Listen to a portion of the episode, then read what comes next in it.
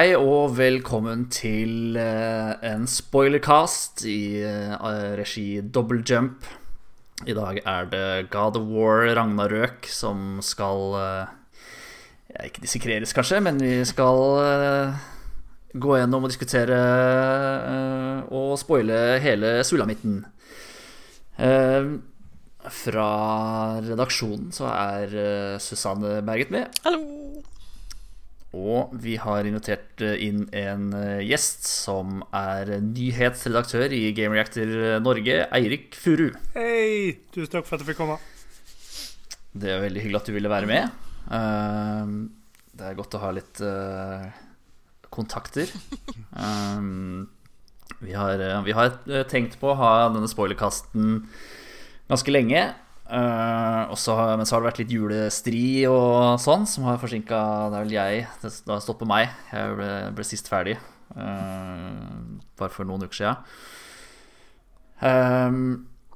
og Susanne fortalte at du eh, likt, eh, liker de, i hvert fall de to siste God War-spillene meget godt. Ehm, som er eh, et godt utgangspunkt for å Det holder, det, for å være, bli invitert med, til eh, Double Jump. Ja, vi har jo ikke noe tidligere Um, kjennskap til Eirik. Jeg bare hørte fra en venn av en venn at å ja, her er det en fyr som liker God of War kjempegodt. Så var jeg sånn Ja. ja, Nei, jeg bare- kødder. Ja, dere har vel brått, eh, er vel blått tidligere kolleger i Game Reactor. Stemmer det? Mm. Da jeg var sjefredaktør i en eh, liten periode. Ja. Jeg er inne på profilen til, til skribentprofilen til Eirik nå. Der står eh, God of War lista opp som nummer én under eh, fem favorittspill. Det er ikke rangert, da. Det er bare sånn. Å nei, ok. Jeg var der på topp fem i hvert fall, da. Jeg, eh, du har ikke vært inne og oppdatert med Ragnarok, eh, ser jeg, så det skal bli spennende å, å høre. Eh, Men planen eh, for i dag er i hvert fall at vi eh, først kjører en liten recap av det som skjedde i, i det første spillet, eller det forrige spillet, da. Altså spillet fra 2018. Og så går vi gjennom kapittel for kapittel. litt sånn løst definert. Eh, og så tar vi en liten eh, diskusjon, og eh, det blir sikkert en liten krangel, for en fugl har hviska meg i øret at Susanne ikke er antageligvis ikke er like positiv som, som Eirik. Um, så dette, dette kan jo bli Kan jo bli gøy. Um, da skal jeg prøve litt uh, teknikk her. For da tenker jeg vi bare starter med eh, en recap av eh, God of War eh, 2018. The boy's mother is dead. She wanted us to spread her ashes on the highest peak in all the realms. The gods of these realms don't take kindly to outsiders, trust me. You are God. Leader of the Vanir, once yes, but no longer. There's only one person alive who can get you where you need to go. First, you need to cut off my head. Odin's eye is on you, brother. Especially now that you've taken to killing his kin. When I came to these shores, I chose to live as a man. But the truth is, I was born a god, and so were you. We can do whatever we want. There are consequences to killing a god! Mother. Back off, Kratos. This has nothing to do.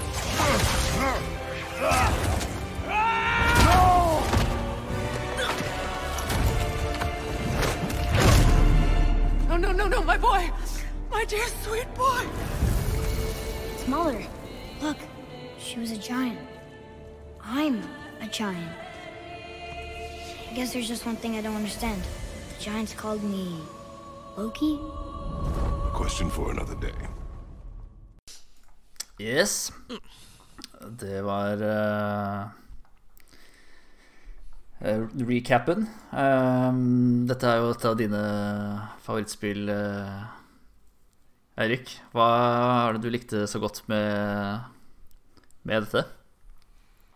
Jeg har alltid likt kampsystemet i God of War-spillene, og måten de har blitt blanda inn sammen med litt god gammel hjernetrim. Så liksom Nå kom jo de første God of War-spillene på ei tid hvor jeg liksom var i den rette alderen òg. Men det var Selv om jeg ikke er en far eller noe, så traff historien i God of War meg ganske bra. Så er det absolutt nydelige om, omgivelser.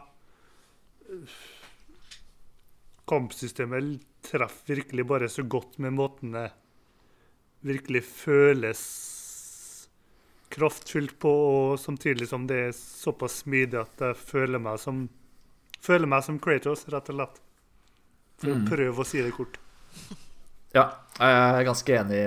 I, I tillegg til det så falt jeg veldig for eh, For liksom måten historien er fortalt på. da Eh, Hvordan liksom det ikke er, det er ikke noen Noen kutt. Alt er liksom glidende, ser ut som en tagning. Um, som eh, Som jeg syns virkelig eh, jeg si, bygger opp under den innlevelsen, da. eh, i, i, eh, i det spillet. Um, hva syns du om eneren, eh, Susanne? Um, jeg likte eneren kjempegodt. Jeg trodde ikke jeg kom til å gjøre det. Jeg var litt sånn, Når Eirik sa eh, anmeldte det og ga det ti av ti, så var jeg litt sånn Vi skal nå se på det, liksom.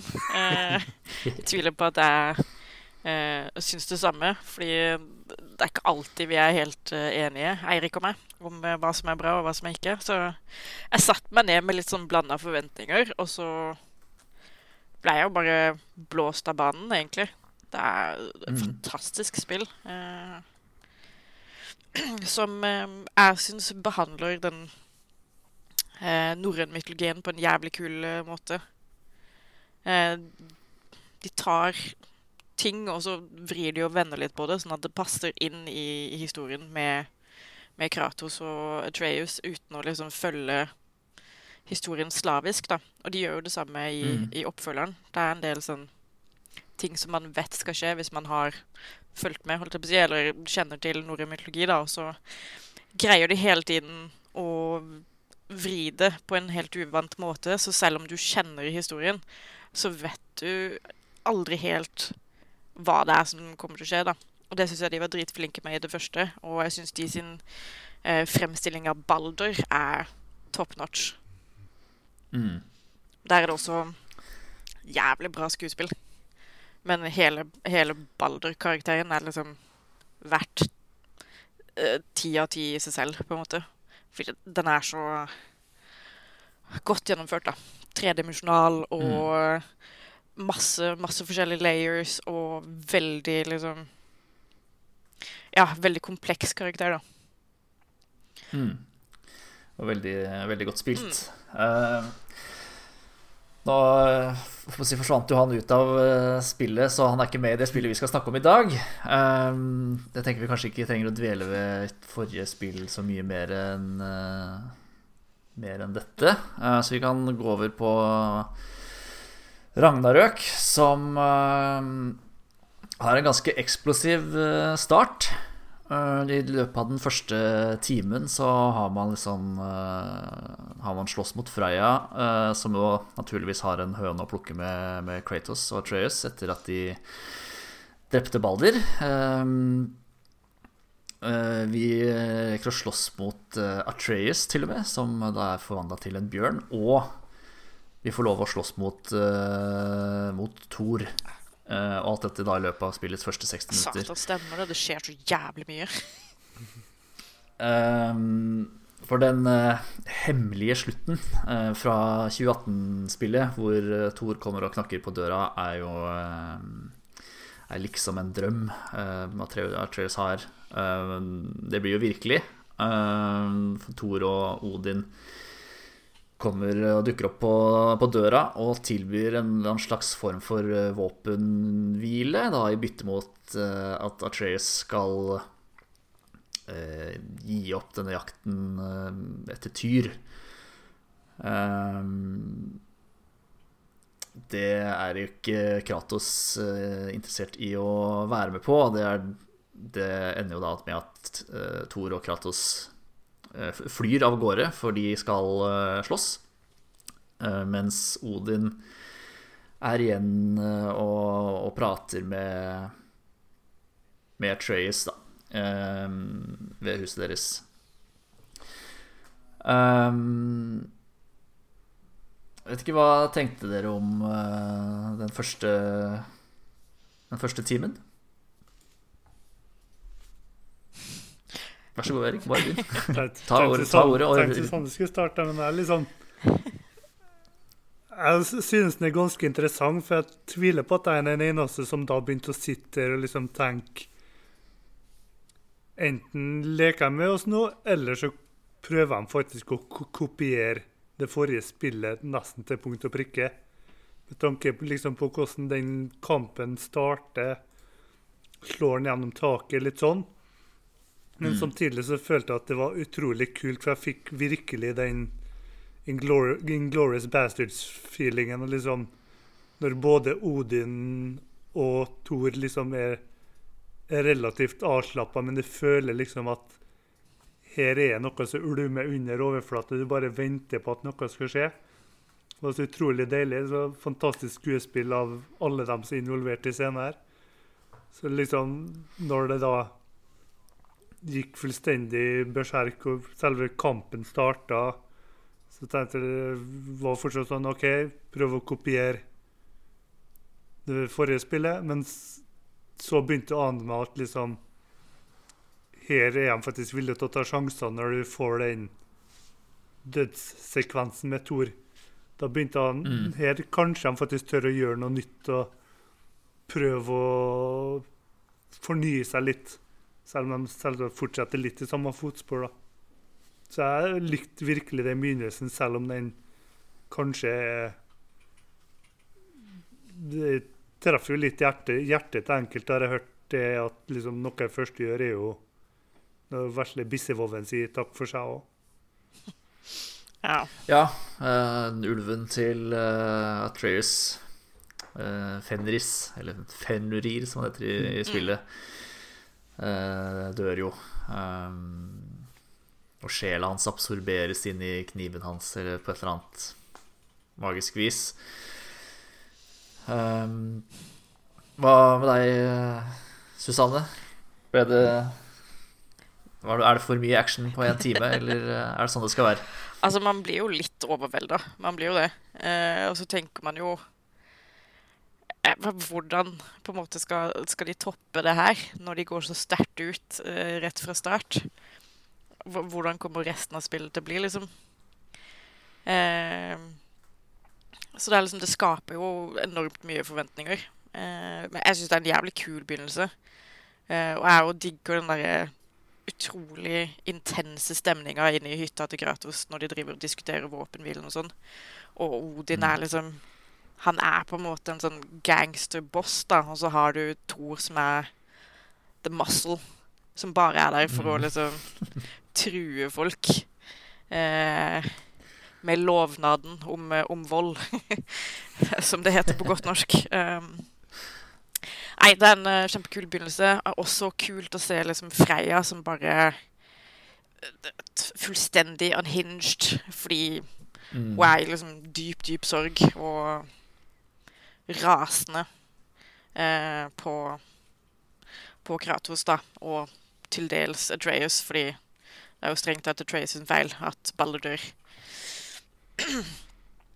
så det er Ja, strengt tatt. Mm, så den det er en begynnelse som, som setter opp en del eh, ting for resten av spillet. og Jeg syns de gjør det på en kul måte. Eh, selv om jeg var litt sånn i den slåsskampen med Thor, så var jeg sånn Herregud.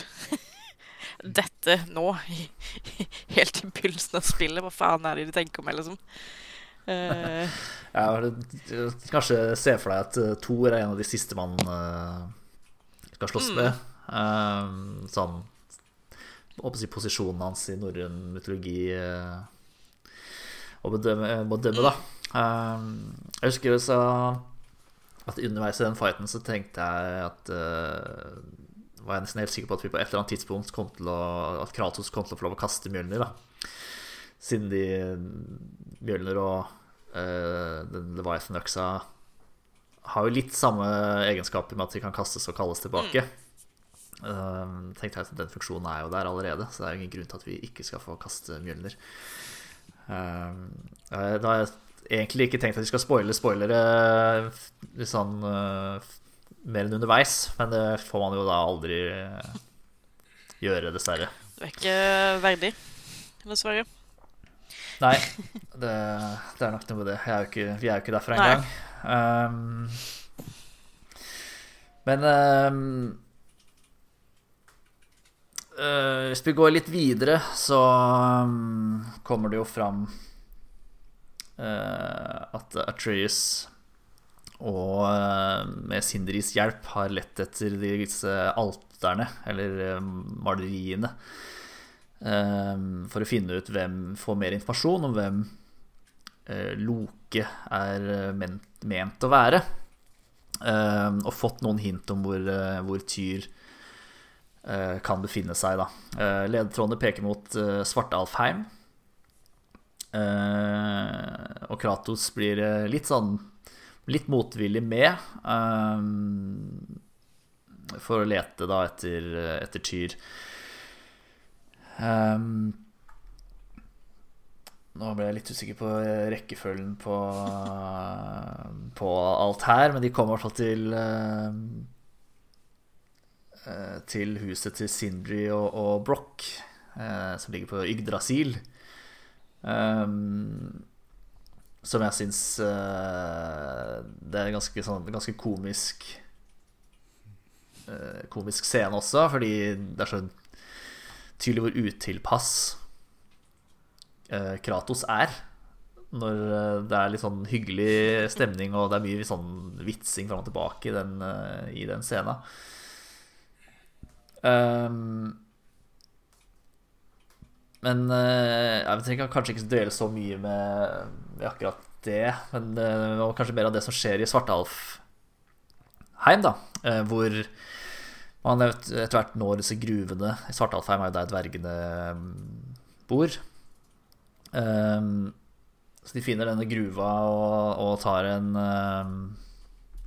Tar en slags Ser litt ut som en tømmerrenne innover i, i, fjellet der, og finner til slutt eh, Tyr. Uh, ganske traumatisert. Uh, og den si, den norrøne krigsguden har eh, tilsynelatende blitt en, eh, blitt eh, en pasifist. hva husker dere liksom best fra den første turen til, til Svartalfheim? Vær så god, bare ta ordet, en av dere. Ikke alt på en gang. Ja. Uh, hva jeg husker best? Uh, det er et godt spørsmål, fordi det skjer så jævlig mye. Uh, men litt det hvordan den uh, tømmerrenneturen din blir avbrutt av et kjempetroll. Som han hadde dritmye problemer med å drepe i det første spillet helt i begynnelsen. Og så mm. hogger Kratos huet av han med liksom bare ett oksehugg, og så er det sånn Shit. Vi er liksom Vi har levela opp i det spillet. Um, og dette er vel også første gang vi støter på einherjar-folka. Mm. Um, ja.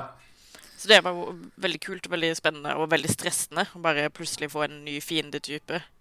Um, jeg liker å kalle dem for The Gay Brigade, fordi de kom jo susende ned på, på en regnbue. Og er liksom, de er kledd litt som som, som leather daddies. Uh, det er jo ofte bare overkropp ja, ja, og, uh, og, sånn også. Uh, så det er jo Altså, jeg syns de er kule, uh, selv om de liksom Det er jo en veldig generisk fiende, på en måte, uh, og alle ser jo mm. like ut. Uh, men de er gøy å slåss med, og den Bifrost-effekten er liksom sp spennende å måtte deale med, da. Um, ja. ja. det er også ganske frustrerende. De, det er ikke sant, de angrepene gjør jo ikke så mye skade på første slag. Eh, men det setter liksom av en ganske stor del av HP-baren din, da. Um, så hvis de treffer deg med neste slag, så mister du all den HP-en. Um, så det er ganske stressende liksom, når det er en stor chunk av HP-en din som kan bli borte hvis man er uforsiktig eller uheldig. Um, Og så er det jo det å liksom bare navigere seg rundt i denne gruva som er enorm. Eh, og lære mer om hva Odin og dvergene for så vidt har drevet med nedi der. da. mm, Og man får jo etter hvert et eh, inntrykk av Odin som en sånn Han er jo ikke en veldig hyggelig fyr. og han er jo ikke veldig hyggelig Nei. med sine eh, ansatte, holdt jeg på å si. Altså, altså dvergene. Han er Og det viser seg jo etter hvert når man driver og finner disse scrollsa og leser uh, disse markerne, men man kan leite frem og, og studere og sånn, at han er jo en sånn Jeff Bezos-type. Eh, som, som driver Svartalefheim eh, som en slags Amazon warehouse. mm. Eh, men ja, det jeg husker best, er jo så klart møtet med Tyr. For det første så er han jo svær. Eh, det er liksom litt som å se den første eh, Fast and Furious-filmen. Hvor du tenker at holy shit, Vin Diesel, det er en svær fyr. For en, for en bøs dude, liksom. Og så noen filmer seinere så dukker The Rock opp. Og så er det sånn Ah, shit! Vin Diesel er ikke så svær likevel. Det er liksom Det er litt sånn det føles når man møter Tyr, da. Og så er det jo det at han er fullstendig eh, ødelagt. Som, som, som Mm. menneske og som gud, egentlig. Ja. Han er en veldig interessant karakter. Ja, veldig. Uh, hva med deg, Eirik? Hva tenkte du om denne turen? Eh, Litt som Susanne var inne på, at liksom med en gang Der er har du når jeg begynte å innse at de ville prøve noe nytt. Når, for jeg, jeg regner egentlig med at det at det kolliderer inn i trollet, er deres sin klare beskjed. liksom, Ja, vi vet dere ble lei av å bekjempe seg her. Sånn, nå tar vi han ned. Vi kvitter oss med den uten at du, du trenger ikke å røre en knapp så vidt, liksom. Mm. Ferdig med det, og så introdusere en ny type fiende med en ny type skade. Så det er litt sånn, bare for å snakke litt gameplay-messig, så det spoiler hva, så er det skummelt av Santa Monica å gi oss en så stor gruve, for jeg er en completionist, jeg skal liksom gjøre alt. Så jeg liksom sprang frem og tilbake inn og gruva for å se vel minste lille sidevei og alt mulig sånn, leita ut hulte til bulte. Og liksom fikk vite noen historier til Nodin og sånn. Og så var jeg litt interessant, for når de introduserer Tyr, så begynte jeg å tenke liksom Skal de vise faktisk hvor mye en krigsgud faktisk kan slite mentalt etter alt det her? Litt som Susanne var inne på, liksom, han er jo helt paff når du kommer inn der. Selvsagt senere så skal vi jo få vite litt hvorfor. Allerede der så begynte jeg liksom å tenke liksom Ok, jeg må fokusert så masse på Tyr i markedsføringa. Skal vi liksom få en som bare holder seg i bakgrunnen og da senere lager mat og litt sånn? Men igjen, da, som Mm. Susanne sa, liksom liksom Med fare for liksom se spillutviklinga i hele Du lager ikke en som liksom ser ned på Kratos så lett og liksom har den kroppen der for at han bare skal være litt i bakgrunnen. For liksom som de visste i trailerne, og det er jo det er litt sånn, Jeg gisper, jeg liksom, når han bare reiser seg opp liksom høyere, høyere, høyere. Shane Kratos bare eh? Så liksom, Den turen ut derifra for å lære litt mer For det virker jo som om Tyr da forteller litt faktisk om den ekte historien og hva som faktisk har skjedd, og hvor til pieces det egentlig gikk med forholdet deres. Så det, Mm. det å pirra nysgjerrigheten, nysgjerrigheten min, så både historie og gameplay, det begynte å pirre, pir meg. Og litt som du var inne på tidligere, Håvard, med tanke på kameraet som ikke kutter. Jeg tror at jeg har spilt sikkert 13-14 timer i strekk liksom uten pause. For du, du blir så gira når det ikke er noe kutt. For liksom, det er som du sa, du blir skikkelig levd inn i. Og da få Mm. all informasjon i sanntid, det er liksom Jeg satt der og visste ikke at timene fløy, liksom. Ja, så er det liksom ikke alltid det er et sånn naturlig sted å stoppe heller, da, fordi det liksom Det stopper jo aldri. Eh, de har vært veldig flinke på å sy sammen dialogen sånn at sånn neste bit av dialogen den trigges ikke før du har gått eh, eller passert sånn eh, et eller annet punkt. Da Da kommer neste bit av dialogen. Så de er superflinke på det å holde på, holde på oppmerksomheten min, da. Um, og- gudene vet hvor mange tekstlinjer det er i manuset eh, til det spillet her. Eh, hvor mange timer med dialog som er spilt inn. Um, men ja, de, de, klarer liksom å suge til seg oppmerksomheten min. Og liksom jeg vil høre Jeg vil prøve å følge med på alt som blir sagt. da Eh, Som er ganske godt gjort når det tross alt sies så mye som det Som det gjør i det spillet her. Um, hvis jeg skal si litt om Tyr-karakteren også, da, så syns jeg det var interessant at uh, er en krigsgud da, som eh, er så nedbrutt. Um, så jeg så jo for meg at her kommer det til å være en uh, ganske stor uh, karakterutvikling. Um, liksom hvordan han får tilbake motet sitt, eller uh, Tyr er jo veldig sentral i alle profetiene som det snakkes om i spillet her, og at han liksom skal lede å si krigen uh, ja, mot, mot Ragnarok, eller i, Ragna, i Ragnarok, da. Um, så jeg så jo for meg at han uh, En slags, slags redemption ark, uten at han som har noe å redeeme, sånn det ser ut fra første stund her, da. Liksom, uh, men ja. liksom, bare for å liksom Kanskje folk har lyst til å høre litt interessante detaljer, og kanskje dette er det første spoilerkast de hører om. Men Eric Williams og de andre utviklerne har jo sagt at liksom Blant annet du har så her kråkefjærene i hjørnet ved der Tyr er befesta, det er liksom for å hinte hva nå framtida bringer, og litt sånn. Så liksom, Mm. om du ser det på andre gjennomspilling, så er hint til hvor den i gåsehudene karakterutviklinga går hen. Mm. Liksom, Ja. det jo, for jeg jeg tenkte faktisk over dem fjerne når jeg var her, men det jeg har tenkt på liksom at Odin har et emen hele tida, for Odin har jo fått hørt én utgave av spådommen annen. Så liksom da å få Ja. den ja, hva vi vil kalle Fight Club, så hintinga der på forskjellige måter, er ganske artig å tenke på i ettertid. Ja. Mm. Absolutt. Um, de uh, kommer seg jo hjem fra Svartalfheim. Um, hvor um, Atreus er jo veldig, uh, veldig oppslukt i tanken om å liksom finne ut Finne ut mer. Um,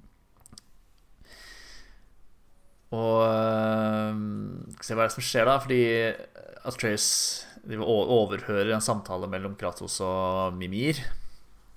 Um, Hvor uh, Mimir foreslår å liksom ha Kanskje høre med Freya da Om å bli, eller Frøya Om å bli en alliert i kampen mot uh, Mot Odin. Øhm, det er selvfølgelig fullstendig uaktuelt for, eh, for Kratos.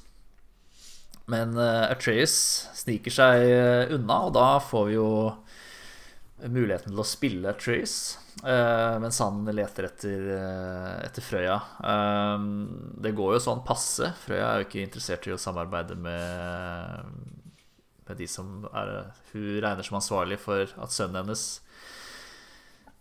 Sønnen hennes døde.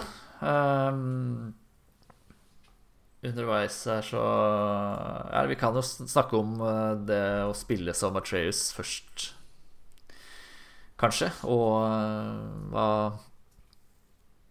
hvordan, Hva tenkte dere da liksom, det ble, dere fikk kontrollen over, over Atreus, Erik? Jeg ble ikke overraska, da. Liksom, de har vært så veldig forsiktige med hva de har sagt og sånn. Og det er jo ingen hemmelighet at Santa Monica og Naughty Dog har vært glad i å gjøre lignende ting. Men liksom, for all del, det å liksom få, s- få han sitt perspektiv på det synes jeg var interessant, og da få høre litt hva som faktisk har skjedd før òg. For det får vi jo litt bakgrunnshistorie akkurat hvor masse Atreas har gjort mellom det forrige spillet og nå. Mm. Men samtidig så liksom Det skurrer litt for meg at han er såpass Såpass villig til å fære til Frøya når han liksom motsier seg sjøl nesten hele tida der. Og det liksom begynte jeg å bli litt nervøs for selve skrivinga, for liksom det var sånn Og skal jeg besøke Frøya, skal jeg snakke med henne, kommer sikkert til å sikkert drepe meg, men jeg må liksom Der og da så virka han litt litt barnslig i mitt hode, samtidig som vi da ikke fikk se noe særlig av hvordan han skiller seg ut i kamper og sånn, men der begynte tankene mine mer heller å gå med tanke på utviklinga. Om det kom til å bli noe som sikkert enkelte rykter hevda, liksom at Kratos skulle dø etter en liten time ut i spillet og liksom bare spille som Atreas og litt sånn. Så det var, Mm. var mer de tankene pluss hva samtalen med, hvordan samtalen med Frøya ville løse seg, med tanke på det vi hadde sett litt tidligere her i spillet, forholdet hun har til dem begge. Men det var utrolig kult uansett å se hvordan det ble håndtert når de først møttes. Mm. For selv om det kanskje virker litt lettvint måten hun lar den gå på, så synes jeg det er et glimrende skuespill at du nesten Du føler at hun fortsatt har et litt sånn moderlig forhold til Natreas, og at det ikke er han hun egentlig har det store problemet med. Mm. Mm. Men hun vet jo også veldig godt hvordan det er å miste en kid, liksom. Så eh, det sitter nok dypt inne å gjøre det samme mot noen andre, selv om hun hater den andre personen. For det er jo Kratos hun vil straffe, til syvende og sist. Mm. Eh, Jeg syns det Ja, det er en sånn eh, kult å kunne spille som Atreas, selv om det er en helt annen spillestil enn det du har blitt vant til med, med Kratos. Du er liksom ikke like Du er ikke en tank lenger. Du er liksom Nå er det ranged og agility som gjelder. Eh, og det er liksom Jeg er ikke så veldig flink på det når jeg blir stressa, så det Jeg syns det er mer eh, intenst og stressende å spille som Atreus, da, enn det er å, å spille som uh, Kratos. Uh, Mm. Men jeg syns også den lille outingen han og Sindri har, er kul, fordi du lærer litt nye ting om Sindri og broren, Brock. Mm. Eh, hvor Sindri avslører en ganske interessant detalj eh, om sin bror. Eh, Ja, det hadde jeg også tenkt vi skulle touche innom, Mm. for eh, Sindri forteller jo at eh, for mange år siden så døde Broch i en ulykke. Um, og, men Sindri uh, liksom orka ikke å leve alene. Så han dro til eh, Helheim for å prøve å få tilbake eh, sjela til Brock, men får liksom bare tilbake deler av den, da. Um, så det er sånn- det er nok til å liksom gjenopplive Brock, men det er noe ved Brock som eh, Som mangler likevel, da. Um, den, eh, den historien syns jeg også var ganske Ganske spennende å, å høre på. Og er liksom en del av den karakterutviklinga av Eller utvikling av andre karakterer. eh, som, som også var med i, i forrige spill. Som får mer plass i, i, det, i dette Mm. spillet. Og det er jo også veldig interessant, fordi Broch er jo ikke klar over det her selv. Det Nei, finner han ut det av vi til ja, eh, det finner. litt lenger Mm. ned. Eh, så det er liksom Det er en veldig kul detalj, syns jeg. Mm. Eh, og gir jo litt eh, dybde til de sitt forhold, og forklarer også kanskje hvorfor de er så jævlig forskjellige. Ja. Men ingen av dere visste uh, visste om den detaljen før de sa det der? Nei. Nei. For det var en del av podkasten de hadde når de, de lada opp til det første, eller det forrige spillet. Mm. Så var den historien en del av en av de podkastene. Mm. Så jeg visste allerede i det forrige spillet at grunnen til at han er såpass bleik, er av det. Mm. Men uansett, det var kult å høre den historien igjen fra det perspektivet, da. Mm. For selvsagt i podkasten så var det jo mer sånn objektivt. Det fikk du høre litt hva gale Sindri ville ha følt det tapet å miste broren sin. Mm. Så, som vi da, spoiler warning, får se senere òg. Ja. Ja, fy faen. Men når de kommer eh, derfra, da, så eh, Så er, eh, har Tyr og Kratos og Mimir snakka litt sammen. Og de har lyst til å dra til Alfheim, hvor de kan ta en ny kikk på eh, Groas maleri. eh, Nå som Atreus vet at man kan åpne maleriene og liksom få en jeg håper å si en, en filmvisning av, eh, av profetien i stedet. Der finner de ut at Groa løy til Odin. Ragnarok kan vinnes, men profetien viser at viser Tyr som hærfører. Eh, Det er eh, selvfølgelig Tyr ikke villig til å, å gjøre. Um, jeg vet ikke om det er så mye mer å si om liksom, den eh, Den eh, det kapittel, eller akkurat den sekvensen der. Der du viser jo noe sånn Champion of the Giants som, uh, som Atreus er helt sikker på at må være Må være han. Um, så det er kanskje mer interessant å snakke om liksom det som skjer etter, uh, etterpå. For Atreus blir jo blir ikke noe mindre besatt av tanken om liksom å kunne stoppe Ragnarok, altså verdens undergang. Um, og, og tanken om å være liksom champion of the giants, det er, er det liksom det han er ment å være. Uh, Kratos uh, er Kratos og syns at det høres ut som uh, At det svekker dømmekrafta til uh, Atreus. At han er på vei til å um, Å kaste seg ut i noe uten å liksom ha tenkt seg nøye om, da. Eh, det, det fører til en kjempekrangel. Eh, så Atreus blir sendt i seng eh, uten kveldsmat. Og drømmer seg ikke, sånn, å teleporteres eh, til eh, Ironwood, eh, som han har hørt eh, litt om tidligere i, i spillet. da For han treffer uh, Angerboder.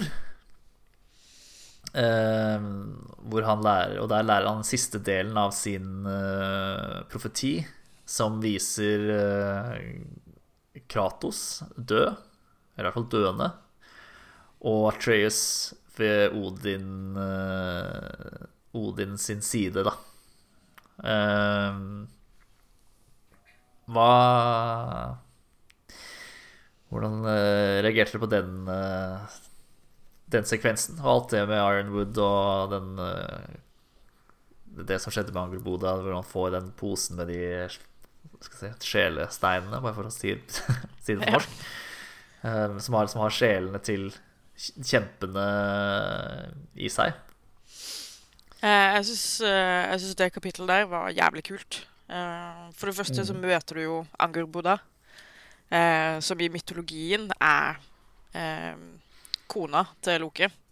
Eller en av elskerinnen til Loke. Eh, og det er jo hun han teknisk sett får eh, barna sine med. Altså Fenris og Midgardsormen og Hel er jo I mytologien så er jo de kidsa til Loke.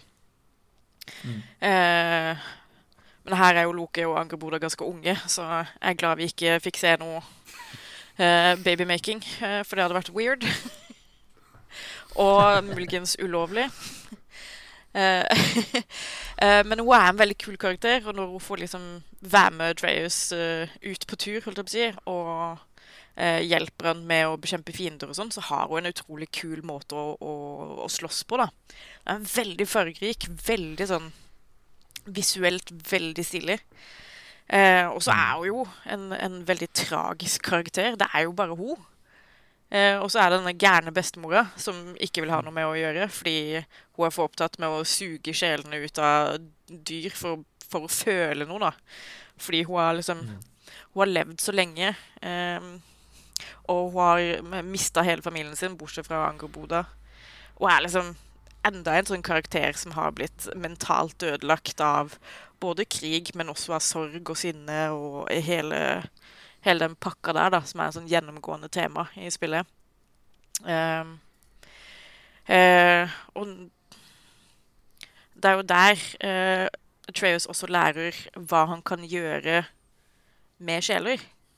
Og lærer denne sjelemagien, som, som blir viktig seinere, på en måte.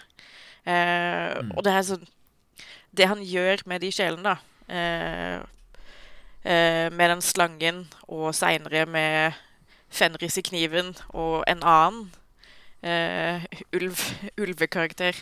Det er liksom et perfekt eksempel på hvordan Santa Monica da, subverter det man tror skal skje uh, sånn historiemessig, fordi man vet hva som skjer i, i historien i mytologien og sånn. Og så gjør de det, men måten de gjør det på, er så spinnvill at du kan liksom ikke se det komme som, i det hele tatt. Uh, så jeg syns de er dritflinke til å ta disse mytologiske elementene og bare vri og vende på dem til det, de passer inn i, uh, inn i narrativet, da. Uh, på en måte som gir mening. Mm. Men det er én ting som irriterer meg noe veldig i det kapitlet. og det er at hele den Angor Boda viser frem sjelene til familien sin. Og er sånn, ja, nei, de flykta inn i sitt eget liksom, hemmelige rike, og dette er alt som er igjen av dem, på en måte, og jeg vil finne flere og sånne ting. De kulene og hele den bøtteballetten der. Eh, det er jo basically eh, sesong to av Westworld. De gjør nøyaktig det samme der. Eh, både med liksom Du skaper et eget sånt rike hvor disse vertene kan hive seg inn i en rift i himmelen, basically, og så faller kroppen deres til uh, ut i havet, og så går sjelen deres da, og lever videre i lykkelig alle sine dager. Og så har du disse svarte kulene som utgjør selve liksom, essensen av de vertene som har greid å bli mer eller mindre self-aware sentient. Uh, så jeg vet ikke om det er liksom en Om det er det de har tenkt, om det er intentional, eller om det er bare liksom tilfeldig, men det er en sånn weird kobling der som dro meg litt ut av spillet. Eh, fordi det ble et sånt metanivå der, da. Som, eh, som, ødela på en måte innlevelsen min bitte litt. Mm -hmm. Jeg er helt enig med tanke på Agroboda og alt av det. For jeg, akkurat der igjen synes jeg er litt interessant at hun reflekterer en annen måte traume kan påvirke deg på. For liksom Første gang du ser, møter henne, er hun liksom så sprudlende. Så liksom Å, endelig kommer du. Endelig skal jeg liksom få dele det nesten hele livet mitt er ment å gjøre. Nå skal jeg endelig få lære opp deg og happy day, happy day. Mm. Men så begynner liksom forskjellige lagene av løken liksom å dette av når du begynner å snakke om bestemora si og litt sånn. da og da bare Og igjen, jeg føler kanskje at Atreus blir Det er kanskje naturlig pga. at han har vært alene og bare vært med voksne han, at han, Jeg synes at han blir betatt litt vel fort. Men det, det er kanskje pga. at han er såpass ung, for det er sånn veldig Hun kommer der, erter ned litt, ja, springer av gårde, og han er sånn Ja, følg etter, følg etter, følg etter. Ja, det er veldig sånn uh, tenårings-puppy love-type uh, ja. Ting. Men jeg syns også det er litt fint. Fordi det viser jo at til tross for at uh, Atreus er både en gud og en kjempe, så er han også til syvende og sist bare en kid. Mm. Uh, I puberteten, med alt det medfører av merkelige følelser. Men uh, så ja, det skjer litt fort, men samtidig så syns jeg det funker, da. Jeg tror ikke han har møtt, møtt så mange barn eh, eller jevnaldrende i, i sitt liv, for å si det sånn. Eh, Mye av livet hans har jo bestått av eh, krigertrening. Um, så jeg syns kanskje hele sekvensen her var Jeg syns den ble litt lang. Um, når du driver og rir på den der uh, jakkoksen, det går ganske sakte. Um, Ja, jeg syns det gjerne kunne bare vært en cutscene, på en måte. At de bare snakker sammen. Istedenfor å hele tiden måtte spillifisere alt som skal skje. Det må alltid være noe som, noe som skjer. Eh, du må komme deg fra A til B, du må bekjempe noen fiender, du må løse noen puzzles. Du må liksom always be moving, holdt jeg på å si. Mm. og det er litt sånn smått irriterende.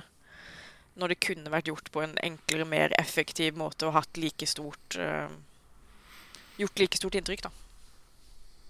Jeg er helt, helt Ja. enig, for jeg mener at hele sekvensen med Ironwood eh, viser litt Et av mine største ankepunkt med spillet, at de drar enkelte ting litt vel langt ut. Og særlig den steinkastinga av Ironwood er selve bildet på det. tenker jeg liksom, for Litt som du sier, Susanne. Det kunne ha vært ei eh, filmatisk sekvens, liksom. Men Nei, du må kaste en stein og sånn. Og meg da er en completionist. Å, får- jeg noe spennende scener, spennende historie med timing, steinen er perfekt. Så jeg satt der faktisk en halvtime og skulle se liksom hvor langt en stein kunne komme. Yes, jeg traff et skjell og fikk Tror jeg var bare noe hacksilver eller noe sånt. Det var liksom Yes. Ja, det var litt sånn smått skuffende. Men igjen, selve, selve sekvensen er ganske fin. Liksom at Atreas, for litt som jeg nevnte i anmeldelsen min, at han forstår at verden ikke bare handler om tyr og profetien, og litt sånn at han merker at det faktisk finnes kjærlighet. Og han får litt annet mål i livet òg, virker som i den delen. mm. Og Angerboda er liksom Hun er så en skikkelig kul karakter. Jeg bare Hun blir introdusert så bra, på en måte. Og det virker som hun skal ha så jækla mye mer å si i resten av spillet. Og så ser du henne kanskje én-to ganger til, og så er det liksom That's it. Et helt kapittel av spillet dedikert til å introdusere denne karakteren. Og så Og så skjer det ikke noe mer, liksom. Eh, ja, jeg var litt sånn vonbråten på grunn av det. Men det virker jo som hun kommer til å ha mer å si i det som blir neste spill, da. Håper jeg. Neste spill eller utvidelse eller noe sånt. Ja. Men dere, det synes jeg var litt artig også med den sekvensen. Vi nevnte jo bestemora bitte litt. Mm. Det synes jeg, var, synes jeg var ganske artig igjen av grafikk, stygt ord, med liksom her. Liksom Fer inn i huset hennes og ser liksom hvor stort alt sammen er. Så tenker jeg liksom Å, vær så snill, la meg kjempe mot en kjempe. Få få se en kjempe. Så med en gang den bestemora kommer inn der, så tenker jeg Ja! For da liksom ante jeg meg at her skal jeg endelig få skikkelig skala igjen. Og Nå ble det jo ganske sånn spillmatisert, den kampen, da, med tanke på liksom hva jeg må gjøre. Men uansett artig å liksom bare se skalaen de får til når de vil, og samtidig veve inn litt historie inn i det òg. Og da særlig etter å beseire og liksom og se hvordan Agrob... Agrob ja, hun Liksom hvordan hun reagerer når hun har ryggen til bestemor, og liksom bestemor og sier liksom Du er ikke noe lenger, du er ikke en del av oss. Hvor du da ser, takket være fantastisk animasjonsarbeid og sikkert uttrykket til skuespilleren sjøl og hva masse det river i henne, og liksom Hun vet at det her er det her er et veiskille for henne. Hun vet ikke helt hva hun skal gjøre, om hun faktisk skal fortsette å bli nærmest undertrykt av bestemora si, eller om hun skal stole på at den veien hun har blitt fortalt med Treyas og sånn, er det riktige, og faktisk hva profeti, profesi betyr for hennes sin skjebne òg. Mm. Eh, men når dette er ferdig, så, så legger de seg til å sove igjen. Og jeg vet ikke jeg hvordan uh, Trace havner tilbake i Midgard. Eh, Magic. Men, men han eh, skjønner jo at han må komme seg eh, hjem, eh, så ikke liksom eh, Kratos skal være skal bli bekymra. så han prøver å bruke disse portalene. Og um, der kommer en, en rasende Kratos tilfeldigvis gjennom andre veien. Eh, han er eh, forbanna for at Atreus har vært borte i, i to døgn uten å ha sagt noen ting. Um, de rekker jo ikke å si så veldig mye mer før eh, Frøya dukker opp for å gjøre, lage ugagn igjen. Um, etter å ha slåss en eh, stund, så blir de eh, enige om å, å jobbe sammen da, mot, eh, for å slå, slå Odin. Um, Frøya har funnet ut hvordan hun kan bryte den forbannelsen som gjør at hun ikke kan forlate Midgard. Um, og det, det Da må de dra til Vaneheim, hvor Frøya eh, kommer fra. Um, og der bekjemper de eh, eh, Nidhogg, som vokter liksom noen magiske røtter som gjør at eh, Som låser Frøya til Midgard, da. Um, hva tenkte dere om uh,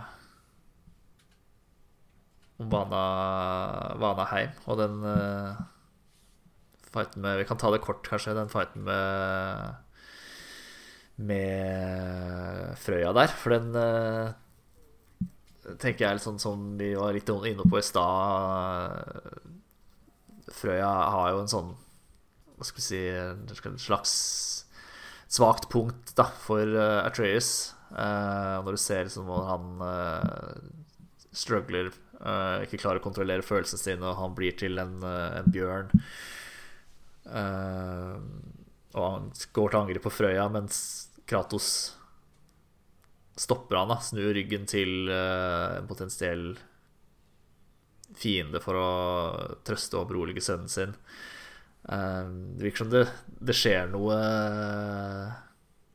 med Frøya der.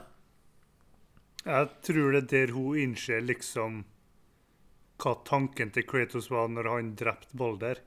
Mm. For det blir litt Enig. Jeg tror rett og slett hun får litt flashback der, og forstår hvor masse Kratos er villig, like som hun var, for å faktisk beskytte barnet sitt. Og hvor masse de to strever, og hun innser da at hun faktisk kan hjelpe dem òg. Og kunne se om det er noe håp for dem, selv om de nå tok fra hun sitt kjæreste. Pluss da selvsagt å både, bare få payback på Odin. Så jeg syns den kampen var veldig fin sånn sett. For den, Mm. det er åpenbart at den er mest ment for historia, selv om den var relativt utfordrende på høyeste vanskelighetsgrad. Så liksom var det så Ja, for, Hashtag humble brag. ja, for du spiller på høyeste vanskelighetsgrad, da. Ja, hva har dere spilt på forresten før? Det har jeg hørt veldig masse forskjellig. Jeg klarte meg fint å spille på normal vanskelighetsgrad. Ja, samme her. eh, Jeg vil bare Jeg vil ikke ha det så vanskelig. Jeg har det vanskelig nok ellers i livet. Det, var, det, er, det er mange, mange ting jeg syns liksom var vanskelig nok Ja.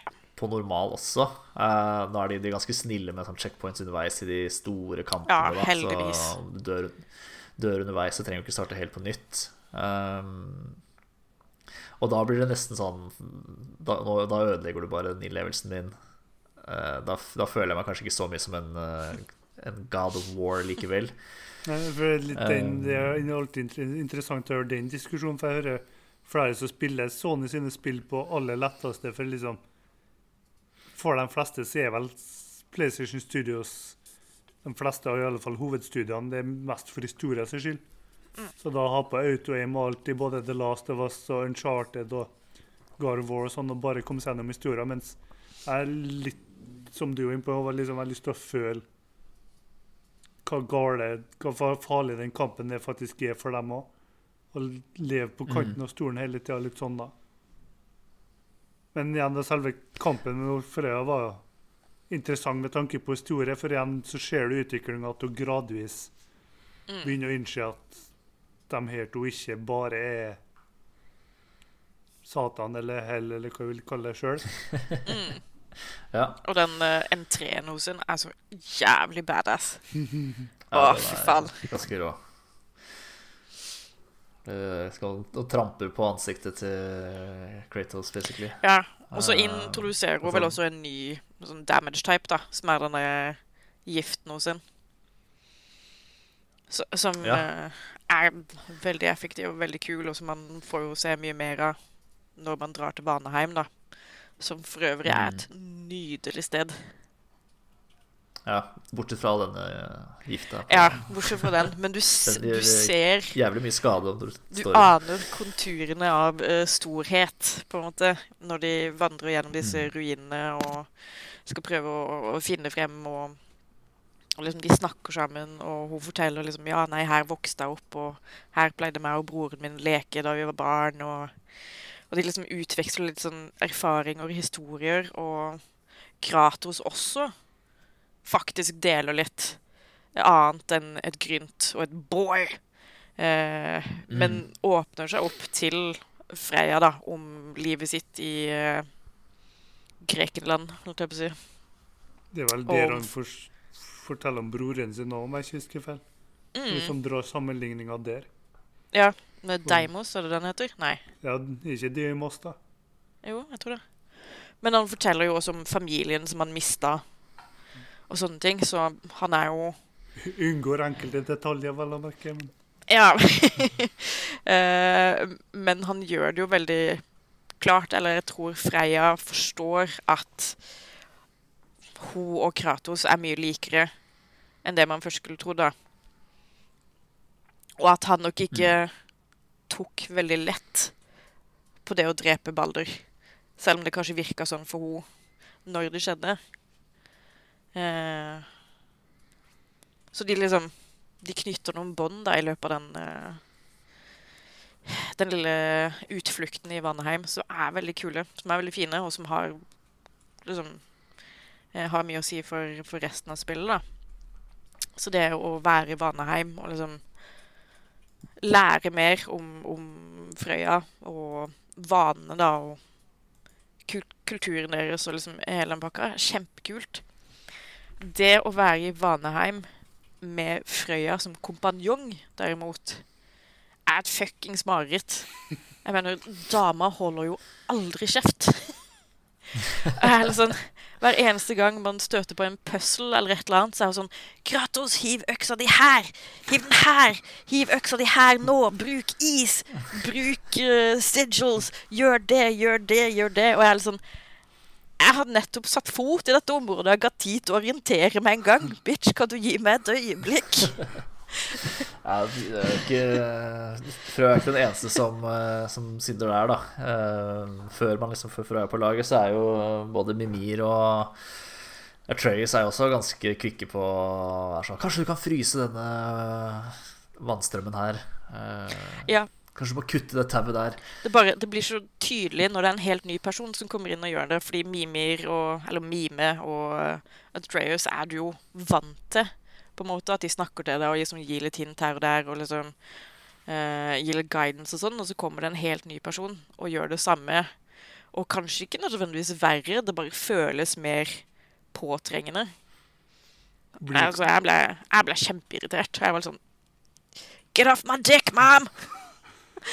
det blir, blir kanskje enda mer tydelig. For liksom, når det liksom i selve de filmatiske sekvensene er sånn Nei, jeg vet ikke om jeg stoler helt på Kratos. Så liksom fem sekunder etterpå og du, du, du, du! Skje, skje, skje, skje. Stor blink. Kast øksa der. Kjempebra. Bra, Kratos. Blink, mann. Ja. Nei, forresten, Ja. jeg hater deg. Ja, det blir en veldig sånn disconnect eh, mellom karakteren hun er i, liksom, i historien og narrativet, og karakteren hun er som kompanjong. Eh, og en mye større disconnect enn det du da får med Trace og Mimir, fordi dere tross alt er eh, kompiser på tur, holdt jeg på å si. Eh, gutta på Kralle tur. og gjengen. Eh, back at it again. Det som er greit med Eh. henne, er at hun ikke roper You're on fire! But you Ja. probably know that. Bra, det. Vi hadde en sånn glitch hvor Atreus ikke stoppa å si Hey, there's a hole in the fence over there. Hey, there's a hole in the fence over there. Hey, it, there's a hole in the fence over there. Jeg bare God, give me strength. Go fix it, boy. ja. Eh, men bortsett fra det, så er liksom Vanheim en jævlig kul plass. Eh, og det at vi fuckings dreper Nidhogg, var for meg helt absurd. Igjen fordi eh, hver gang det dukker opp en mytologisk karakter, så tenker jeg alltid på hvilken rolle de spiller i mytologien. Og Nidhogg er ganske viktig. som, eh, som caretaker, da. Han er jo eh, driver jo og gnager på røttene til Yggdrasil, så ting ikke skal komme helt ut av kontroll. Eh, og det å eh, drepe en så stor del av balansen i liksom hele verden på en måte, Ikke bare Midgard, men all the guards. eh, er liksom vilt. Eh, og det viser litt hvor Eller det viser ganske godt hvor desperat eh, Frøya er. Eh, både på å komme seg ut av, eh, av Midgard, men også for, for en sjanse til å bare kaldkvele Odin for alt han har gjort mot henne. Og det viser seg at det er ganske mye. Ja, det er en, eh, det er en smørbrødliste, for å si det sånn. Um, men alt går jo, går jo bra. Eh, De får frigjort eh, Frøya. eh, gjenforenes med, med broren sin i, i hva skal jeg si, menneskelig form igjen. Um, han, han driver jo et slags opprør i, i Vanaheim mot mot Odin. Ganske lavskala sånn til å begynne med, i hvert fall. Um, så alle, alle er eh, venner, alle bortsett fra Atreus og Kratos, uh, som havner i en kjempekrangel igjen når de er eh, hjemme hos Sindri i Yggdrasil. Denne gangen så stormer Så rømmer Atreus hjemmefra, rett og slett. Og jeg tror det er litt tilfeldig med store hermetegn eh, at han havner i Midgard, ikke så langt unna eh, huset til Frøya. Der møter han en av ravnene til eh, Odin, som som tar han med til Åsgård. Veldig nasjonalromantiske omgivelser, i hvert fall sett med norske, norske øyne. Eh, han klatrer opp en eh, kjempevegg og møter eh, Heimdal. eh, Heimdal, som er en, en ordentlig bølle. Han klatrer lenge, veldig viktig å påpeke. Han klatrer Ja, veldig den klatre, lenge. den klatresekvensen er, er er, lang. Um, men han møter nå til slutt uh, Odin, som eh, tar han, tar han uh, godt varmt imot. Uh, og gir Atreus både klær og et rom å bo i, uh, imot, i bytte da mot at Atreus leter etter bitene av en maske som skal gi Odin uendelig kunnskap. Um, eh, jeg kan da ta avslutninga på den, eh, det kapittelet også, er jo at på um, Han er jo ute med Thor og leter etter disse maskebitene. I Muspelheim, er det det det heter? Eh, hvor de finner et maleri om eh, Surt. eh, og hvordan Surt og kona Sinmara eh, eh, Hva skal jeg si blir til Ragnarok eh, og ødelegger uh, Åsgård. Eh, hva med denne sekvensen, da? Eh, Å møte liksom eh, si det, det frivillige møtet med, med Odin eh, og, og Atreus. Å, hva galt uh, Trace bare skulle ha sparka han utafor den store høyda her. med en gang vi møter vår kjære venn. Der igjen har det grunnene til at det er mange som synes det er en av de beste bosskampene. Altså. Hva, hva drittsekk han er når første gang du møter en Heimdal. Ah, Heimdall, ja. ja. Fy faen, for et jævla rævhold. Ja. Det er så, åh, men samtidig er det så digg òg, for liksom Det kan ikke være lett for en skuespiller å liksom få til det der.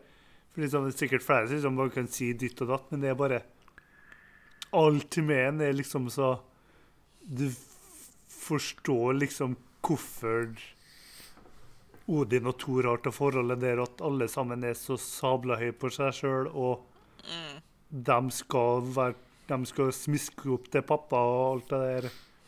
Så har du da en Heimdall som liksom tror han er uovervinnelig, for han ser framtida.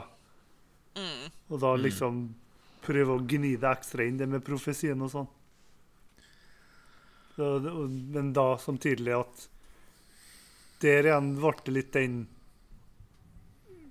delte meninga om Odin òg, for liksom tenkte liksom Litt samme som introduksjonen, at du føler liksom at Har Odin bedt Heimdal om å være drittsekken der, for det, det den, det at Odin kommer inn der, er jo Det er godt tima, for å si det sånn. Så liksom der å føle jeg liksom Blir både Trace og jeg manipulert nå, liksom, til å føle at Nei, han Oda er ikke så verst. Det går sikkert greit. Og det å da kunne identifisere seg med Trace, som åpenbart blir usikker på hva han faktisk er Oscar for. Om det faktisk er for å sabotere for Odin, eller om det er at han egentlig har litt lyst til å se hvordan det gudelivet er.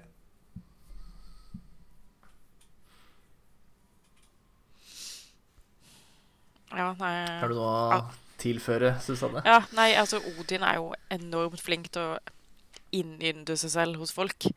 Han, han spiller så mange spill at jeg ikke er helt sikker på om han uh, har styr på alle sammen selv. Fordi han er liksom vilt forskjellige personer med alle rundt seg. Han er liksom sånn litt sånn sosial eh, kameleon.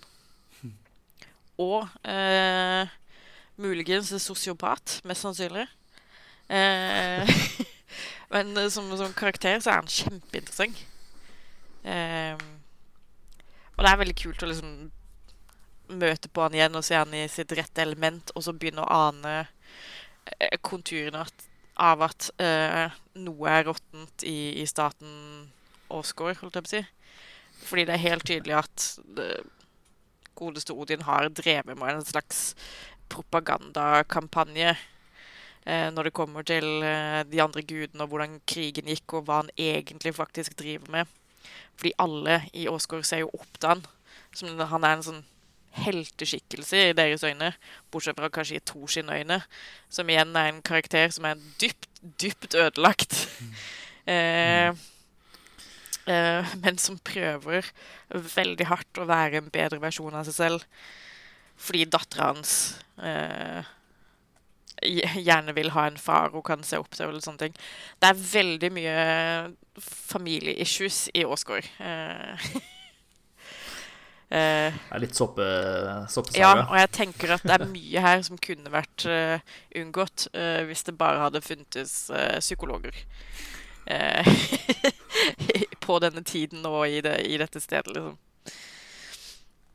Men her også får vi enda større inntrykk av den derre Jeff Bezos-rollen da, til, til Odin. Mm. For han tar deg jo med på en sånn liten tour av, av det han driver med. Og nå, han er jo sånn veldig Nå må dere øke produktiviteten uten å bruke for mye ressurser. Jeg har et budsjett jeg skal opprettholde, og sånne type ting. Som er en sånn weird greie. Eh, det, det føles veldig rart at, at det plutselig dukker opp, men samtidig så gir det mening med tanke på hvordan Odin er som karakter. Eh, han er jo Ja, han, han er jo eh, Gjør jo ikke noe for noen Nei. andre. Eh, det er jo kun hans egne interesser som eh, skal tjenes. Eh, uansett hvem det går utover. Og så har han denne ene tingen som han er besatt av, denne maska. Eller teknisk sett ikke maska, det er jo denne rifta i virkeligheten som er under eh, Herregud, hva heter eh, boligen hans, da? Something or other. Eh, Ja. Odins kåk. Eh, eller noe i Odins kåk. den duren. Ja. Eh, han er jo besatt av denne rifta fordi han har jo på mange måter tilegna seg så mye kunnskap han bare kan i denne verden, og kanskje den neste, og i alle verdenene han har tilgang til. da. Han har jo ofra et øye for å bli nærmest sagt allvitende. Han har også teknisk sett vært død i ni dager. Um, just for the hell of it. Men han aner at det er noe der ute han ikke vet. Og det gjør han fullstendig bonkers. Mm. Eh, som er veldig interessant. Eh, og så dukker denne maska opp, da, som eh, de, de fleste sikkert kjenner igjen fra The Mask med Jim Carrey fra 94 eller noe sånt. Og jeg skulle jo ønske at på slutten så tar Loken på seg, og så blir han om til Jim Carrey fra The Mask. Det Det hadde vært ballsy av Santa Monica. Da Da hadde spillet definitivt vært en ti av ti for min del. God of War 3, Son of the Mask. Ja. Jeg så den uh, The Mask for ikke sånn kjempelenge siden. Den, uh, den har ikke holdt seg så godt. Den er ikke så morsom. Oh, wow. Uh, Det, det er blasfemi. Ja, da får du Du får mene det. Ja, Um, litt, litt, bare bitte litt til med Odin der. Du, Mm. du snakker litt om Ja. kunnskap. Der, Susanne, jeg tenker litt Kanskje jeg husker feil, men for meg så snakker han veldig masse, masse om dødelighet òg. At det er rett og slett Mm. det han er livredd for. At han håper at det som er på andre sida, kan få han til å leve til evig tid. Mm. Om det nå er at Balder har dødd, eller noe sånt, at han har innsett at hans herredømme kan være over, og at kunnskapen han har opparbeida seg, rett og slett er null verd når han Så det er litt interessant å se det òg, for det viser litt hvor desperat han er. For litt den rundturen vi snakka om òg. I starten er det sånn som jeg husker, i alle fall, så er det så veldig hyggelig med alt og alle. Men så sprekker han når han begynner å møte dvergene. Særlig han jeg husker ikke engang, men han dvergen vi har møtt før. Da Ja, han begynner- med arret. ja. Da begynner det liksom å ane at Da begynner det å bli mer sånn direkte at du merker hvor redd de er for han. At han Ordene han bruker, er veldig sånn Du kan ikke si direkte at han truer, men det er sånn Du har er dem og dem ressursene. ja. Mm. Gå over de ressursene. Kanskje husk han som var før deg. Nei, nei, nei. Mm. Så det er litt sånn at du, føler, at du føler at det ugler mot den. da.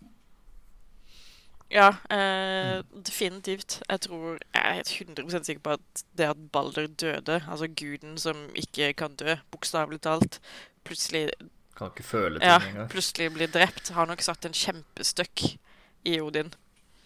Eh, så han er liksom Han er akkurat på, på grensa til å bare bli fullstendig unhinged, men han greier liksom å hanke det akkurat nok inn da det liksom Det ligger akkurat under overflaten. Eh, og igjen eh, Utrolig kul karakter, utrolig kul take på Odin. Mm. Eh, som strengt tatt er en karakter man ikke vet kjempemye om. I hvert fall ikke i mytologien. Han er liksom, han er, ja, han er allfaderen, han har gjort dette og dette. Men så er det også en tidsperiode hvor han er liksom i eksil i sånn 15-20 år, og ingen vet hva han driver med. Eh, så jeg føler at eh, Santa Monica Studios har greid å fylle de kunnskapshullene da, på en veldig spennende måte med hvordan de har valgt å fremstille Odin i det her spillet. Mm. Um, tilbake i uh, Yggdrasil eh, så ligger eh, er jo Kratos veldig interessert i å få, til, få Atreus tilbake fra, fra Odin og Åsgård. Så Kratos og Frøya reiser ut for å eh, De søker hjelp hos The Norns. De viser seg ikke være sånn kjempegod hjelp, egentlig. De gnir vel bare dette profetimaset inn i Og ja, om at Kratos kommer til å dø, og Treus kommer til å stå ved, Odins side. De sier vel også at Heimdal kommer til å drepe Atreus, og det er liksom ikke noe man kan gjøre noe med, fordi det står i profetien. Um, så kommer det fram at uh, den eneste måten å stoppe Heimdal på, det er å lage et nytt våpen. Um, det vet jo heldigvis Broch og Sindri hva som kreves. Um, så Kratos og Broch de tar med seg den magiske Magiske ringen og drar til Svartalfheim for å finne The Lady.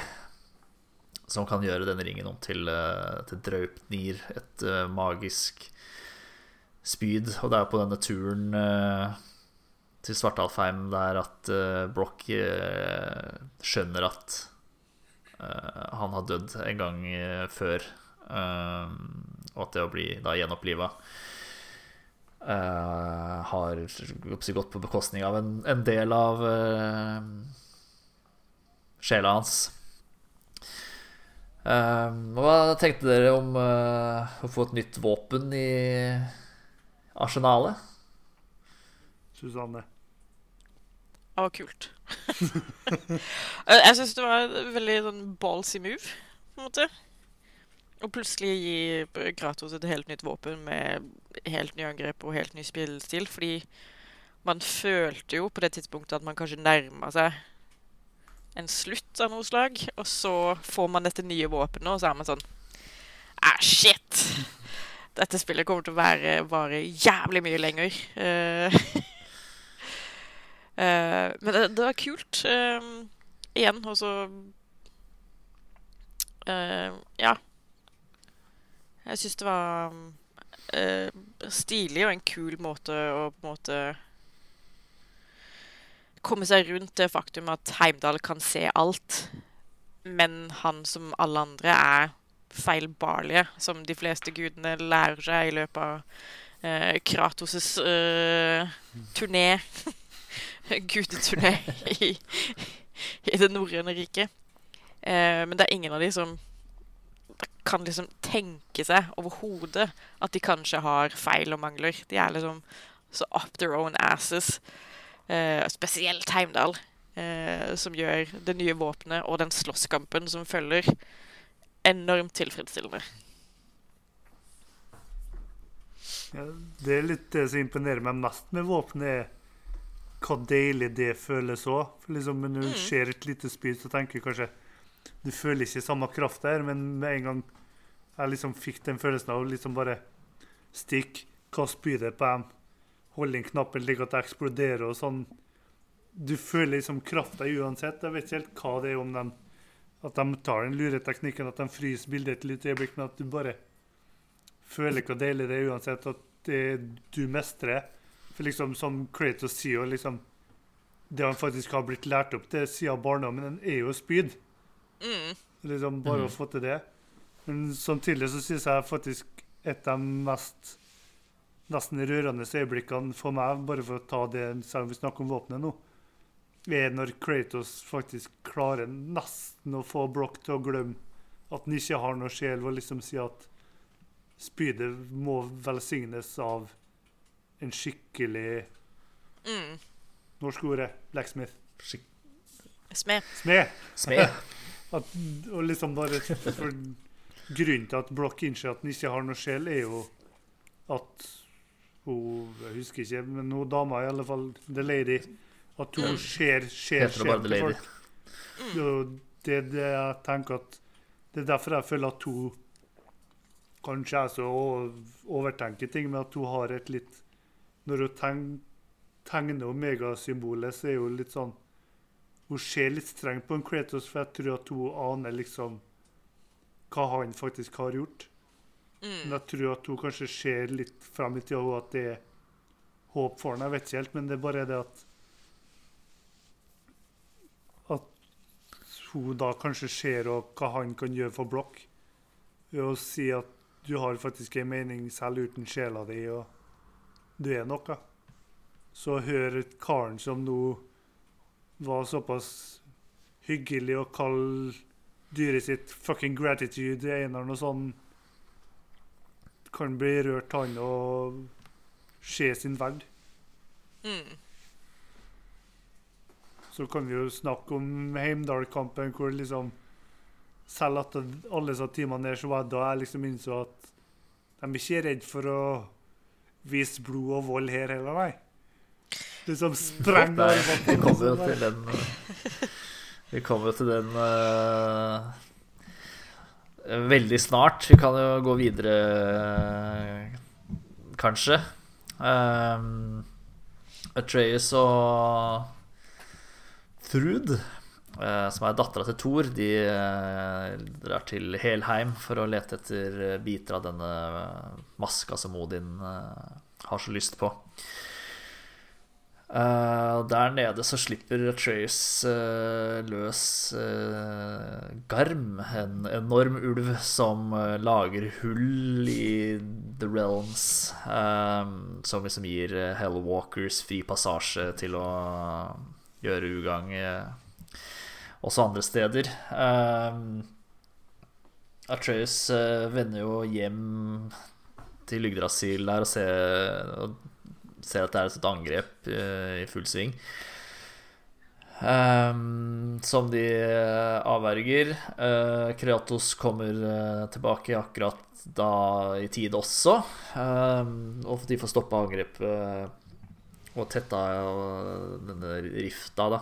Um, og eh, det er jo for så vidt et ganske varm, eh, varmt øyeblikk der mellom Kratos og Atreus, hvor eh, Jeg tror det virker som Kratos blir liksom så letta at han glemmer å være Glemmer å være sur, for en gangs skyld. Men de Kratos og jo, må jo selvfølgelig stoppe Garm fra å lage flere hull, så at ikke det får begrense liksom, disse Halewalker-angrepene. Eh, Det lykkes de selvfølgelig med. Eh, Atreus eh, setter kniven sin i panna på Garm, og dreper Garm og gjenoppliver Fenris, eh, som de som følger veldig nøye med. Husker at uh, jeg nevnte at sjela til Fenris er jo i, uh, i denne kniven.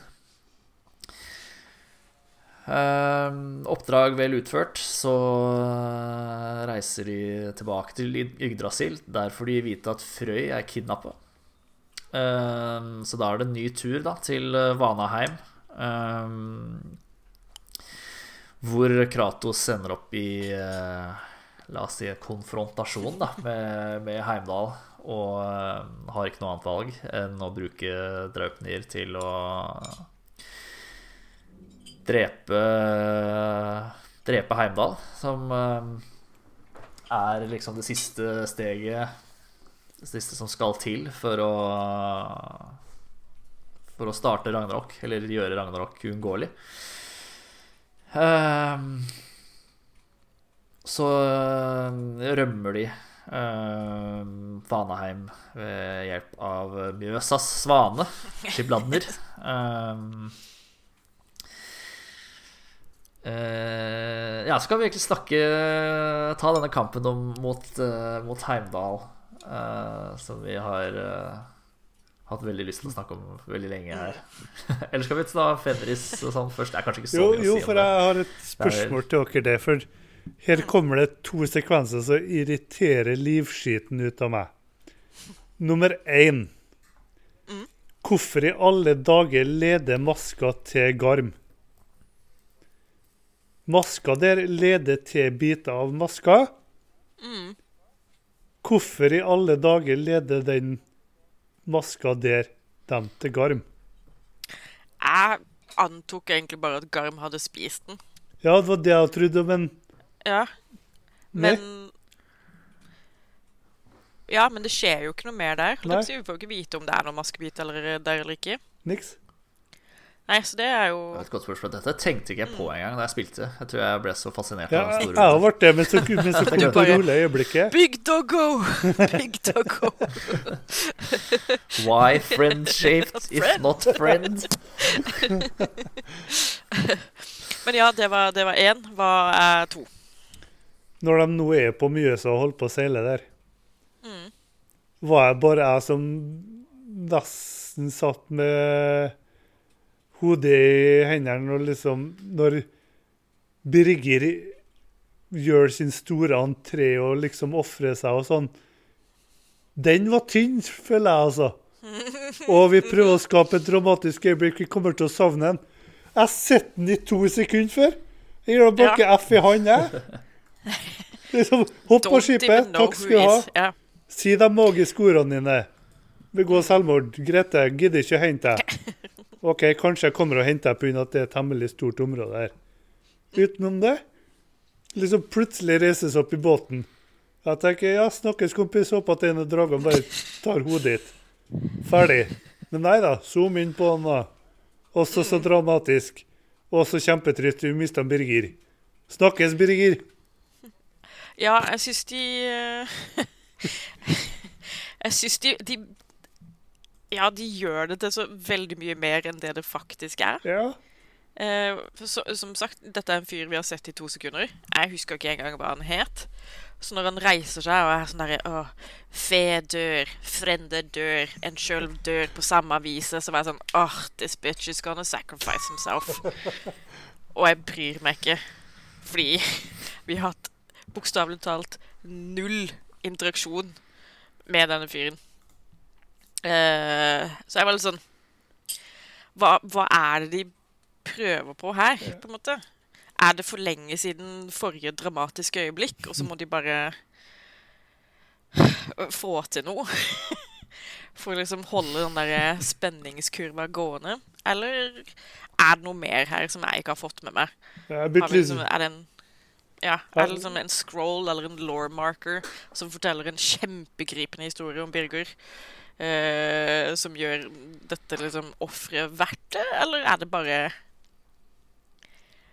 noe bullshit? En easy Ja, way out. ja, for Og så liksom, dør han jo ikke heller, da. Nei, for liksom der jeg begynte å tenke liksom Her hadde de egentlig planlagt to spill. Så kutta de ned til ett, og da måtte enkelte sekvenser forsvinne. Men så glemte de sikkert å fjerne den sekvensen pga. ditt og datt. Ellers var det han ene skuespilleren, at han Birger-skuespilleren fikk korona, så tenkte jeg nei, han kan vi ikke ha lenger i spillet. Og nei, forresten, han ble frisk igjen. Vi tar han med likevel. Ja, fordi surprise, surprise, han overlever jo. Og så er det Kan du gjøre et oppdrag hvor du skal dra og hente han? På en måte. Det vi fikk en av art directorene til å tegne et kjempefint område her. Kan du komme på en grunn til at den, eh, de skal ferde dit? Nei, vi har en kar som heter Birger. Han kan vi kaste båten. Ja. OK. Nei, OK, det, det var min tror rant. det, den, eh, det, det øyeblikket gjorde mest inntrykk på meg fordi jeg kjenner en som heter Birger. Uh, og det hadde vært veldig, veldig trist om han kasta seg av skibladner. Du, du sendte bi- tekstmelding til Birger. Du er glad jeg er kompis. Ja, det var, det var bonding, eh, bonding experience. Eh, Altså irriterer det meg litt men- hvordan de uttaler skibladner. For det er liksom, Jeg skulle ønske noen kanskje hadde gitt de et lite uttalekurs. For det er liksom Skibadnir. Det høres ut som de er liksom fra Balkan eller et eller annet sånt. Jeg har aldri hørt en sånn mangled uttale av et, av et navn før. Det er nesten like ille som Kvesir. Men uh, Uff. Yes, Nei. one take, da var vi ferdig. Takk for i dag. Ja. Ja. Det er tomt for uh, penger på voice acting-budsjettet. Eh, men høydepunktet i det kapitlet her er vel uh, kampen mot Heimdal. Um, som vi har uh, allerede vært inne på ganske mye. Uh, som jeg, jeg syns de var, gjorde en ganske sånn god jobb på, med å gjøre den fighten frustrerende. Um, for det skal den jo være. For Heimdal eh, ser jo framtida og vet liksom alt som skal skje. Um, Så jeg tror liksom det gir deg eh, Det tar litt tid liksom før du omtrent får muligheten til å treffe Heimdall også, hvis jeg husker, eh, husker riktig. Hva er taktikken egentlig? Jeg er litt spent, for jeg tenker meg at jeg ikke gjorde det hun skulle. For jeg begynte å kaste spydene på bakken, vente til han kom nærmere, og så mm. dem til å sprenges. Ja, for det jeg jo gjorde. Ja, det, Ja, okay. det gjorde jeg jo. Liksom, men jeg gjorde det kanskje litt flere ganger enn nødvendig, for etter hvert så oppdaga jeg at etter å ha gjort det en gang, så har han en periode hvor han er vet ikke om jeg er fortumla eller noe sånt, hvor du kan begynne å slå han skikkelig. Men da hadde jeg begynt å kaste sikkert hundrevis av spyd på bakken flere ganger og liksom sett så masse av helsa forsvinne. Ja. Men okay, men da Nei, det var, det var min, eh, min taktikk også. Og det er liksom når du først skjønner hva det er du skal gjøre, eller har en idé om hva du skal gjøre, og du ser at han tar skade Ah, fy faen. Det, det føles så jævlig bra.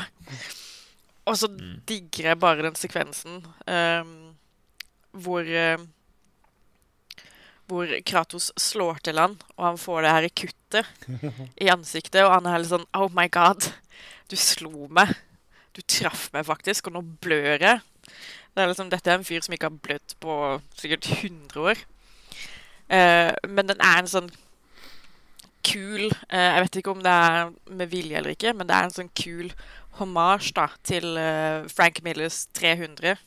Både tegneserien og filmen, for så vidt. Som handler om hva da? En gjeng med Spartans eh, som er i kamp mot en uovervinnelig gudekonge. Eh, og de dreper han ikke, men Leonidas kaster spydet sitt, og det treffer han i skinnet, liksom. Og du ser en liten stripe med blod, og han blir bare sånn What the fuck just happened, liksom? Og det, det ødelegger selvtilliten hans såpass mye at det er på en måte starten på hans downfall, da. Eh, så jeg syns det er en kul sånn ehm, Ja, en kul hommage, da. I den fighten her. Jeg synes litt den overgangen til en Heimdal òg er interessant. For sånn som jeg husker den, i alle fall, så er det sånn det, Du ser frykta i ansiktet hans med en gang han får kuttet. Men så ja, igjen, da, sånn som jeg husker, i alle fall, så blir den, går han fra frykt til rett og slett forbanna. For det er jo da han begynner å virkelig for liksom Når Kratos liksom sier 'Du har tapt, bare gi opp', da han liksom begynner å Nei, Samme han sparer meg, gir deg F, jeg. Plutselig får han selvtillit igjen, eller noe. da. Begynner å slenge med kjeften til Kratos. Og så blir det bare den Bort med den og hånda. Og så resten av han, for å si det sånn. Det er jo nesten som uh, om at uh, det er noe på spill da, for Heimdal. Når han viser at han eh, Det er faktisk noen som kan klare å treffe han. Eh, det er jo ingen som har gjort, eh, gjort før. Så er det plutselig sånn eh, The stakes are raised. Men det ender jo Det går jo i Kratos' favør. Heimdal Han kveler han vel, choker han vel ut og tar Jallarhorn. Um, og, og da er jo eh, Ragnarok uunngåelig eh, etter, etter eh, profetien, i hvert fall.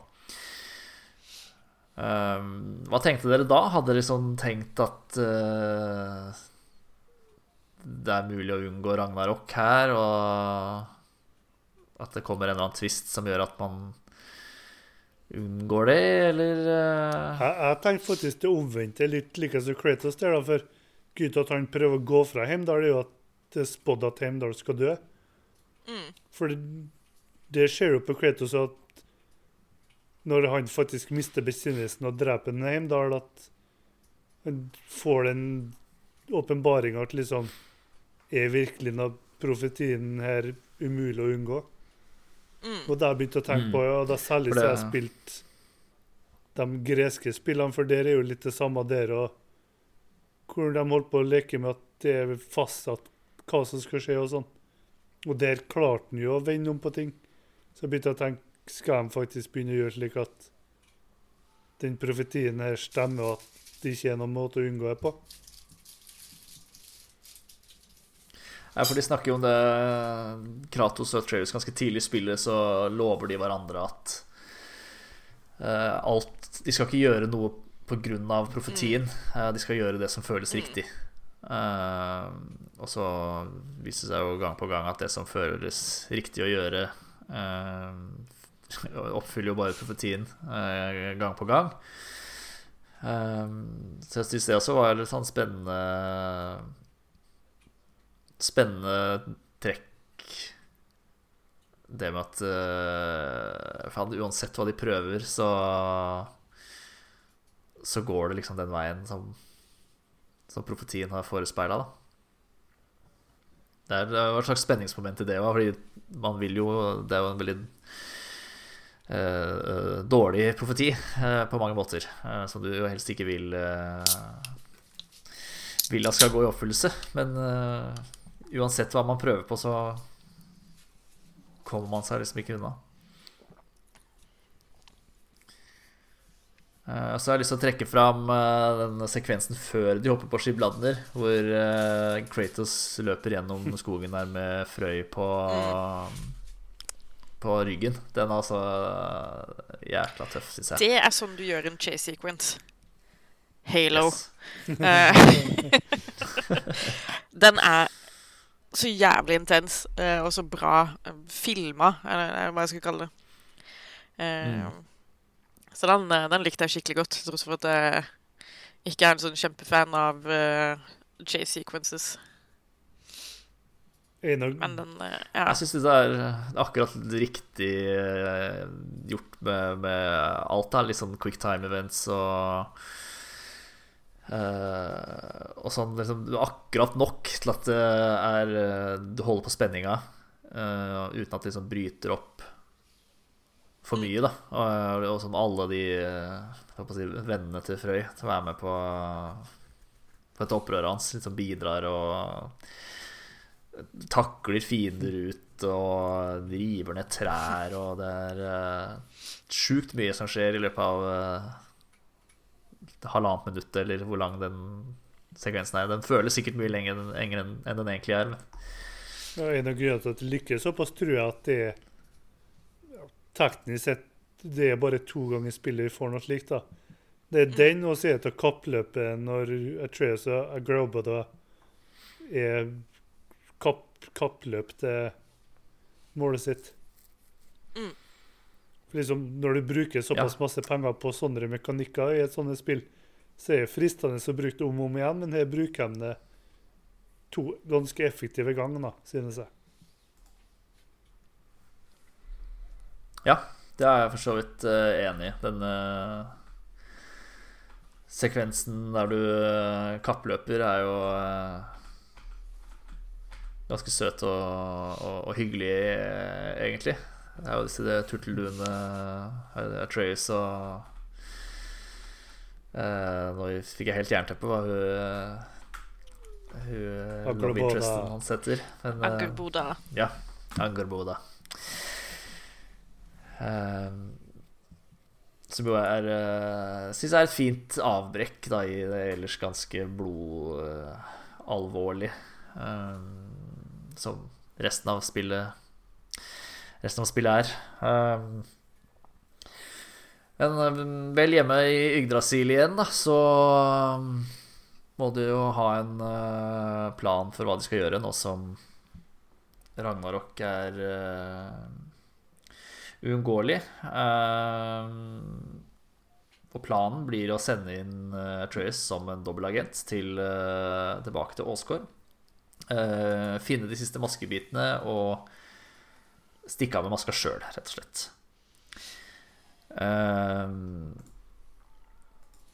så da er det jo Trace og Thor da, som skal ut på, på eventyr. Og han og, og Trud finner eh, Thor eh, drunk out of his mind eh, i en sånn skjenkestue. Eh, som fører til en ganske funny eh, sekvens med sånn ordentlig, ordentlig barslagsmål. Um, som uh, ja, det, som, Thor er jo ikke fremmed for å bli med på det, for å si det sånn. Det er jo ingenting han liker bedre enn å drikke seg full på mjød og, og banke folk. Um, men de klarer nå å overtale ham til å bli med på maskejakt likevel, eller maskebitjakt. Um, hvor uh, når de finner den siste biten, da, så dukker jo Odin uh, helt beleilig opp og er sånn uh, Flink gutt, det gi maska hit nå. Og så dukker hun Siv opp og begynner å bli ganske mye intern politikk blant disse æserne som, som spisser seg til. Um, og Thor begynner å få nok av uh, Atreus og uh, skal til å pulverisere Loki. Da har han heldigvis fått en sånn magisk stein av uh, Sindri, som gjør at han teleporterer tilbake til Yggdrasil, uh, med da den uh, fullstendige maska i, i henda. Um, der sier Tyr at han uh, har en uh, Mener han har en vei liksom, de kan ta for å komme inn i, i Åsgård, snike seg inn i Åsgård. Så Tyr får sånn holde maska. Uh, um, så er det Broch som begynner å ane ugler i mosen. Og caller Tyr ut på at uh, han er den eneste som kaller Atreus for Loke. Uh, og det er det jo bare de Åsgård som gjør, ikke uh, Ikke kjemper eller, eller, noen andre. Så han Og han reagerer også på at Tyr nå plutselig liksom er villig til å gå til krig, da. Han som har vært pasifist i, siden starten av spillet. Um, det Broch blir liksom mer og mer konfronterende, så ender det med at uh, Tyr knivstikker og dreper uh, Eller gir hvert fall livstruende skader da, på Broch. Og uh, forvandles, eller forvandler seg i samme håndvending om til Odin, som viser seg som har vært i forkledning da, hele, hele tida. Odin klarer å teleportere seg unna, men uh, mister maska fordi uh, Kratos kaster Draupnir på maska akkurat idet Odin skal til å, å forsvinne. Um, så de sitter igjen med en døende Broch og et blodtørstig ønske om, om hevn. Um, uh, Kratos og Trace, de setter ut på tur i, igjen. Uh, de finner uh, Sindri, som, uh, som, klandrer dem for å ha fått Broch drept. Ehm, så reiser de vel tilbake hjem igjen og bestemmer seg for at det å committe til Ragnarok er den beste muligheten for, for, å ta Odin. Um, så de reiser til Muspelheim for å, for å finne surt Surt? Surt? Surter. Uh, som er denne ildkjempen, da, som uh, ifølge profetien skal ødelegge Åsgård, slik at Eller sånn, og i prosessen liksom starte The Circle of Life, håper jeg å si på nytt. Um, så de, de, kombinerer liksom energien i Chaos Blades med liksom det frosne hjertet til uh, kona til Surter, uh, som han har i brystet sitt, og gjør Surter til Ragnarok, uh, som avventer signalet fra Kratos, da. Um, før han kom, skal komme de til unnsetning. Eh, hva, hva, slags inntrykk gjorde hele den sekvensen der? Det gikk jo ganske fort fram, da, så det er mye å, mye å Ja, sånn dekke over her. Men jeg skjønner ikke helt på en måte at Tyr har vært Odin hele tida. For meg så går ikke det helt opp. Eh, men jeg skjønner heller ikke hvordan han skulle ha blitt Tyr i mellomtida, på en måte. Hvor, hvordan han kan ha sneket seg inn eh, uten at noen har lagt merke til det. Jeg bare Tyr, når de finner han i fengselscella, virker så jævlig overbevisende. Eh, som karakter. Så jeg syns det er Nei, jeg har vanskelig for å tro at det var Odin hele tida, fordi jeg tror ikke Odin har så mye eh, empati eller eh, selvinnsikt eller noe som helst. Men igjen, kanskje han har spilt Tyr som pasifist for å drive denne opprørsgjengen til å utføre visse handlinger. Fordi han har et visst grep om hvor han må ha alle brikkene sine for at ting skal skje sånn som han vil at de skal skje. da. Who knows? Eh, ikke jeg. Han, han er jo mildt sagt manipulerende, da. Ja, også, han, han er jo Eh. også nesten så godt som allvitende. Eh, så ja, nei eh, Godt jobba, Santa Monica Studios. Eh, jeg så ikke den komme. Nei, ikke jeg heller. Ehm, jeg tror det Sånn Max skjønte det sånn da kniven sto ut av hjertet på, på Broch. Men det er jo er bokstavelig talt i en håndvending der at han da er Odin. Ehm,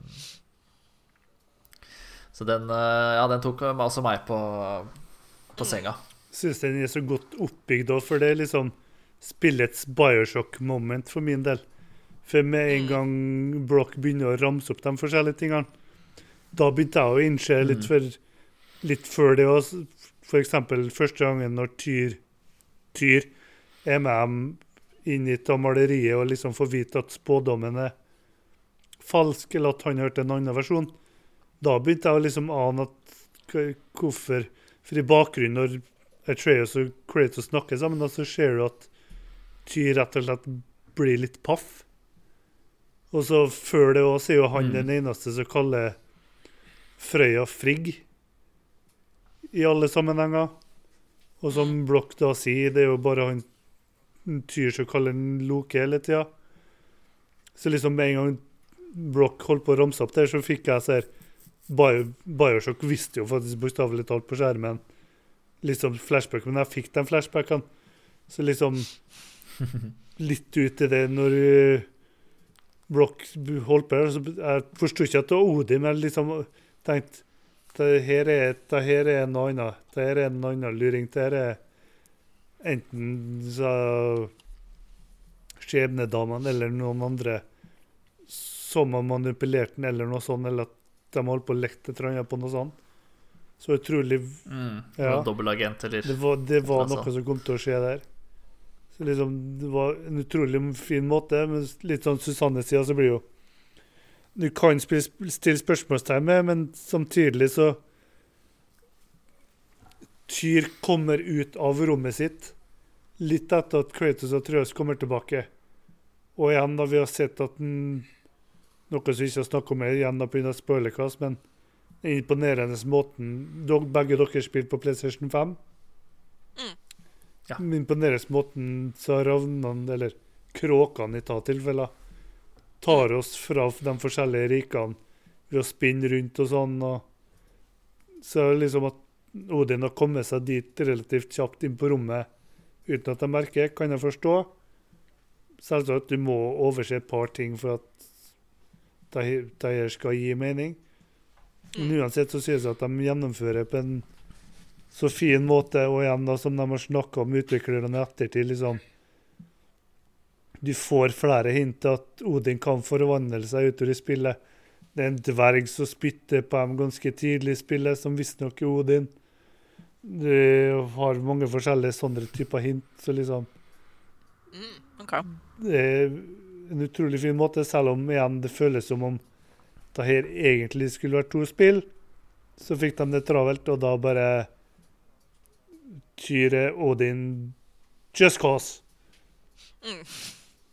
Surprise, bitch. Yeah. Men er en kul vending. Men så er det igjen det her det begynner å skurre litt for meg, som vi kan ta nærmere slutten, at det føles litt som den siste delen av spillet her er hastverksarbeid, med tanke på historia. De tar noen snarveier som The Last of Us Part 2 fikk tid og budsjett til å fullføre, mens Santa Monica nok fikk beskjed at uh, her må det kuttes enkelte ting.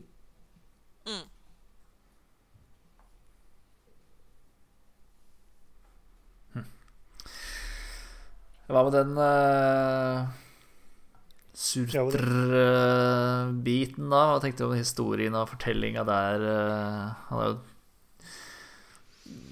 Hva skal jeg si Virker jo litt sånn uh, som om han har gitt opp litt. Han bare står der og hamrer uh, sverd uh, som ikke skal brukes til noe, tilsynelatende. Um, Fint område, da. Vi får besøk Ja, der. ja, det nede i Spark of the World er utrolig vakkert. veldig stilig. Og så får vi jo også endelig slåss mot noen uh, valkyrier igjen. Flertall. Brr. Ja. Ja. Ja, to, to samtidig. Ja, og de valkyriene gniss- er så jævlig stilige. Eh, De har jo liksom Mm. tatt designet fra det første spillet og bare skrudd det opp til 11 med, med de nye valkyriene, eller de som er lojale til Odin, da. Eh, de er skikkelig, skikkelig kule. Eh, helt jævlig å slåss mot, men damn. For en visuelt kul kamp, liksom. Mm. Alle de små detaljene på rustningene og alt. Liksom. Det er sånn Jeg nesten håper at de skal ta til tråkkeangrepet på meg bare for å se på nært hold. For det er så sjukt, liksom, alle delene der. Og Du bare Step on me, mommy. You thought Lady Demetrescu was something, eh? Step on me! Jokes on you. I'm into that shit. We're all into that shit. Join me, boy!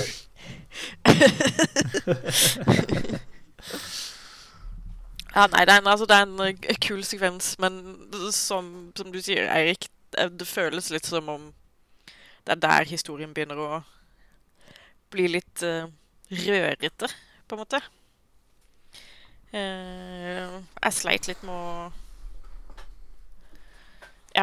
med å liksom knytte, knytte de gjenstående trådene, da, og få det som skjer nest, i neste kapittel, til å på en måte gå opp.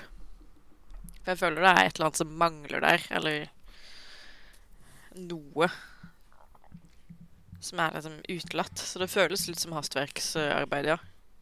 Men for å være litt positiv igjen, jeg ga til spiller ti av ti, så liksom det, Ja. det, Den, den vendinga til Sindri, den er pinadø meg god, altså. Både Ja. skuespillet og designet på den, for du ser liksom fra det relativt blide, slitne ansiktet til Sindri til å bli Miste all sjel. Og liksom Du ser hatet i hans til Liksom Det her snakker om han som har prøvd å liksom sagt til Kratos ta en matbit. Altså Grab a snack. I don't want a snack. Og alt det der. Og han har livredd, vært livredd hver gang Kratos bare har sett på han. Tror liksom Om Kratos bare prøver å være borti han og liksom skubbe han unna seg og virkelig vise hva såra han er uten broren sin. Mm. Og da særlig når Broch liksom sier til en ikke prøv å gjenopplive meg denne gangen her engang. Mm. Og bare se alt all glede forsvinne ut av den kroppen der. Det var sjukt. Ja, det ganske det var et sterkt Ja. øyeblikk. Um, men ja, nå har de jo fått eh, Ragnarok på, eh, på laget, eh, basically. Uh, Så etter en god natts søvn så um, Hvor Kratos igjen drømmer om uh, Faye, Første gang kone. nevner men det har vært flere ganger Ja. Ja. Uh, Men ja, det er jo en Ja, grunn til at vi ble- ikke har nevnt det. Det er fordi de er liksom litt sånn Hva gjør de her, holdt jeg på å si? Um, men de bruker eh, De blåser, blåser i jallarhorn. Uh, og da starter sånn angrepet mot uh, Åsgård, da, hvor uh, alvene og dvergene og liksom, alle liksom er uh, rekruttert uh, til denne kampen mot uh, Odin og Odin og co. Uh, det starter jo ikke sånn kjempebra, denne, denne kampen. Um, de tårna det ødelegges til de andre Altså til de andre rikene ødelegges ganske raskt, slik at uh, det kommer jo ikke så mye forsyninger eller mer si, soldater til.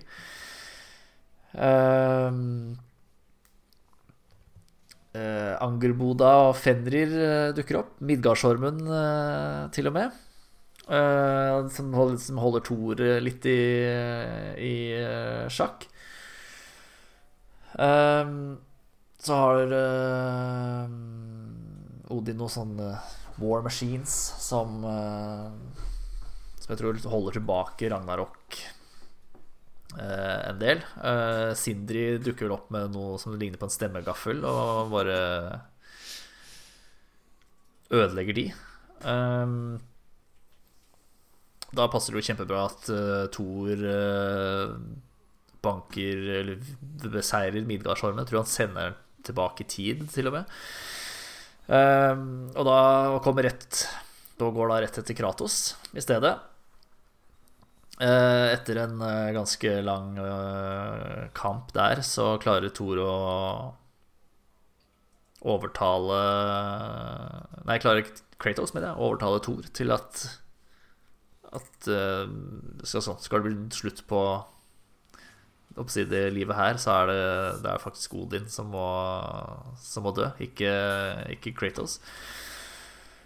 Um, altså, ikke da for Kratos sin del, men for hans egen families mm. del. Um,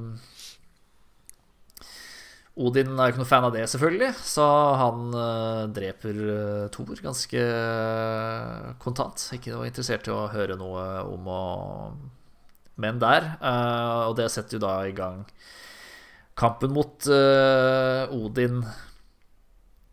Um, Frøya Ja, Kratos, Atreus, Frøya og Mimir, han er også med. Uh, bekjemper uh, Odin.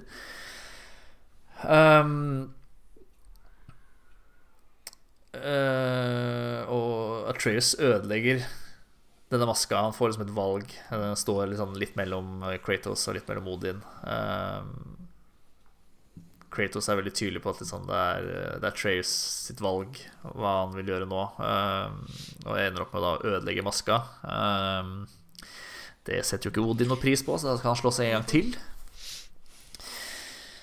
Og når de da bekjemper han uh, igjen, så får han ei ordentlig kjeftskur av Atreus, uh, som tydeligvis gjør han så motløs at han bare gir opp. Um, da kan Atreus fange sjelen hans, da, av disse tomme kulene som han har fått. Um, så er det litt sånn fram og tilbake, for ingen som helt vet hva de skal gjøre med den uh, kula. Uh, Kratos vil gi den til Frøya. Han har gitt en lovnad om uh, at, at, hun skal få bestemme om, Krat nei, om Odin skal dø eller få leve.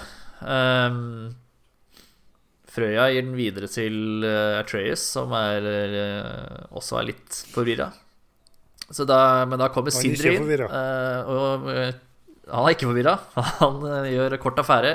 Knuser eh, den eh, sjelekula med, med hammeren sin og dreper allfaderen for godt. Um, gleden over det er imidlertid kortvarig. Frøy dukker opp og minner om at Ragnarok nå liksom har kommet seg helt inn i hjertet av Åsgård. Um, og kommer da med dette kjempesverdet sitt for å sette nådestøtet i, ja, i, i verden, da, så å si. Um, Frøy klarer å holde igjen dette sverdet og uh, ofrer seg mens de andre unnslipper gjennom uh, en rift som Angerboda og Fenris har, har laget. Uh, det er en actionpakka ja, time, kanskje. Jeg vet ikke hvor lang tid det tar, alt det her. Men uh, Føltes ut som mer enn en time, i hvert fall. ja, det er, det er, mye som skjer på, på kort tid. Skal jeg ta en ny rant her nå? Hvordan Ja, det kan du gjøre. du vet, du vet. Nummer én, da. Når vi kommer til Oskar, og litt som du sier Thor slår Midgårdsormen tilbake i tid, som vi da glemte å nevne at igjen Atreus og Agroboda på en måte skaper Midgardsormen ved at de tar ene Mm. kula inn i ovnen i slangen og ser at den blir utrolig fort stor. Mm. Alt det pluss Ragnarok og mye annet skjer i bakgrunnen. Så jeg tenker meg at ikke alle er like Mm. detaljorientert som oss at de faktisk legger merke til en gang. Det ville ikke forundre meg om folk ikke får det med seg. Jeg vet Altså, det er jo nok å fokusere på rett for nesa di, Ja. liksom. Så liksom, jeg vet ikke hvordan de skulle ha gjort det annerledes, men det, det er derfor jeg sier liksom jeg forventer en utvidelse, for det er så Her er mange ting på rappen som skjer sånn bare sånn Ja, det skjer bare fordi det skjer, og ikke noen forklaring på hvorfor, eller noe sånt. Så liksom å se alt av det i bakgrunnen er litt skuffende. Mm. Og så Skal vi gjøre da? nå?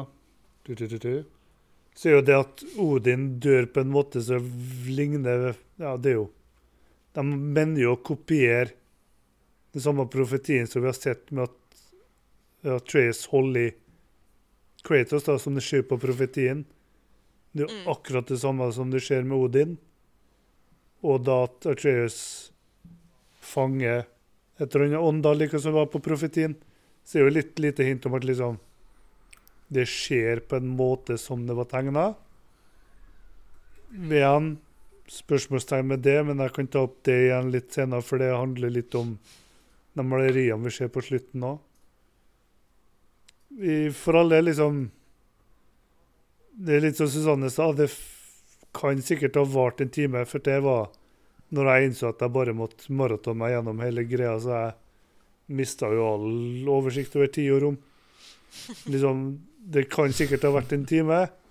Det føltes mye lenger, altså, for det ble så masse masse på en gang at jeg Jeg vil ikke si de prøvde å løse opp knyttene engang. Det var De pælma alt på skjermen nesten bare for å få oss til å ikke tenke over mål og meninger med. Mm.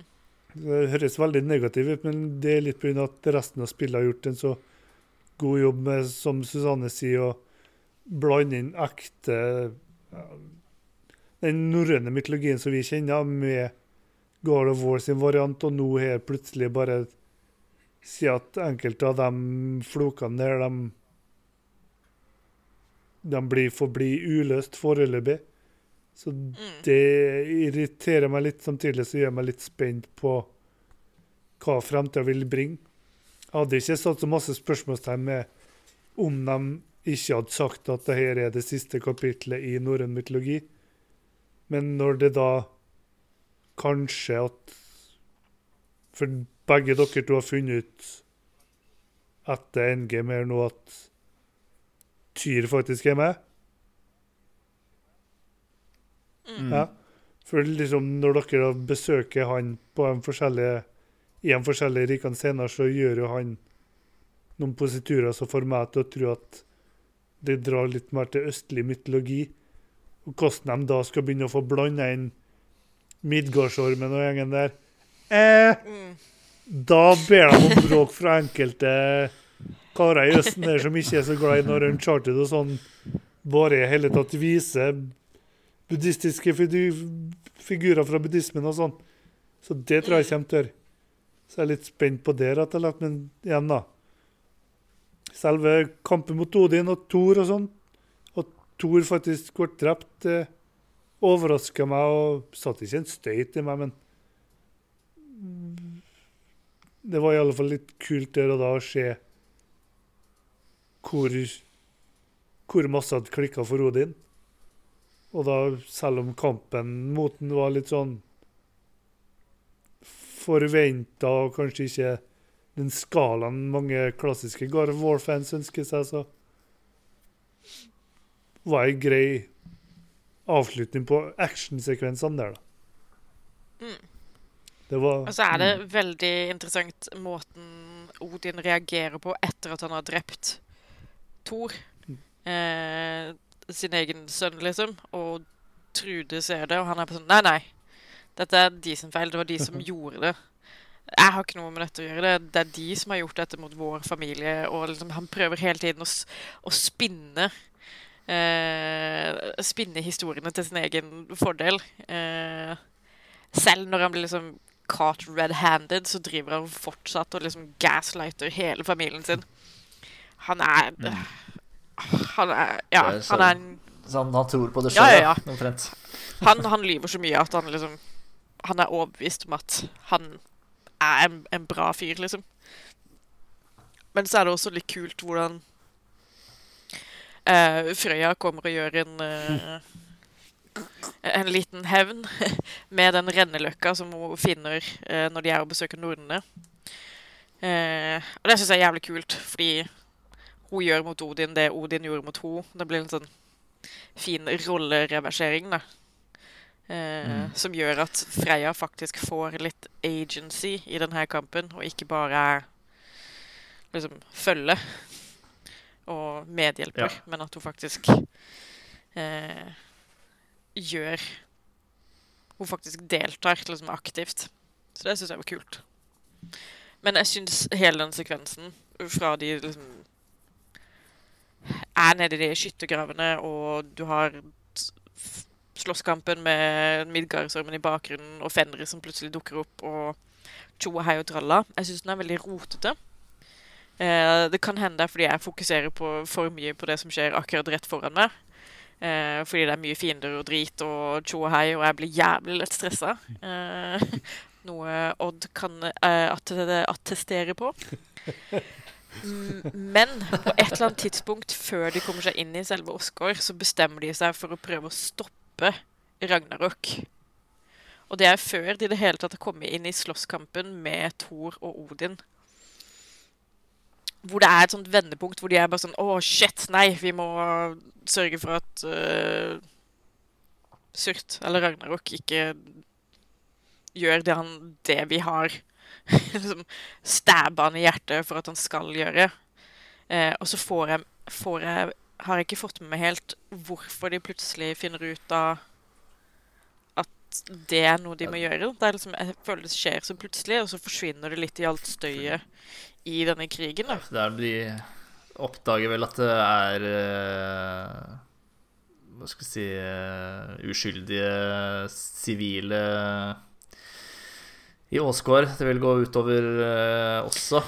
Um, så det er, det er i hvert fall et poeng av at få ut de sivile og sånn. Ja, fordi Um, Som gjør noen Ja, Odin har brukt de, eh, ja. Odin har brukt de som uh, Bruker sånn som Ja.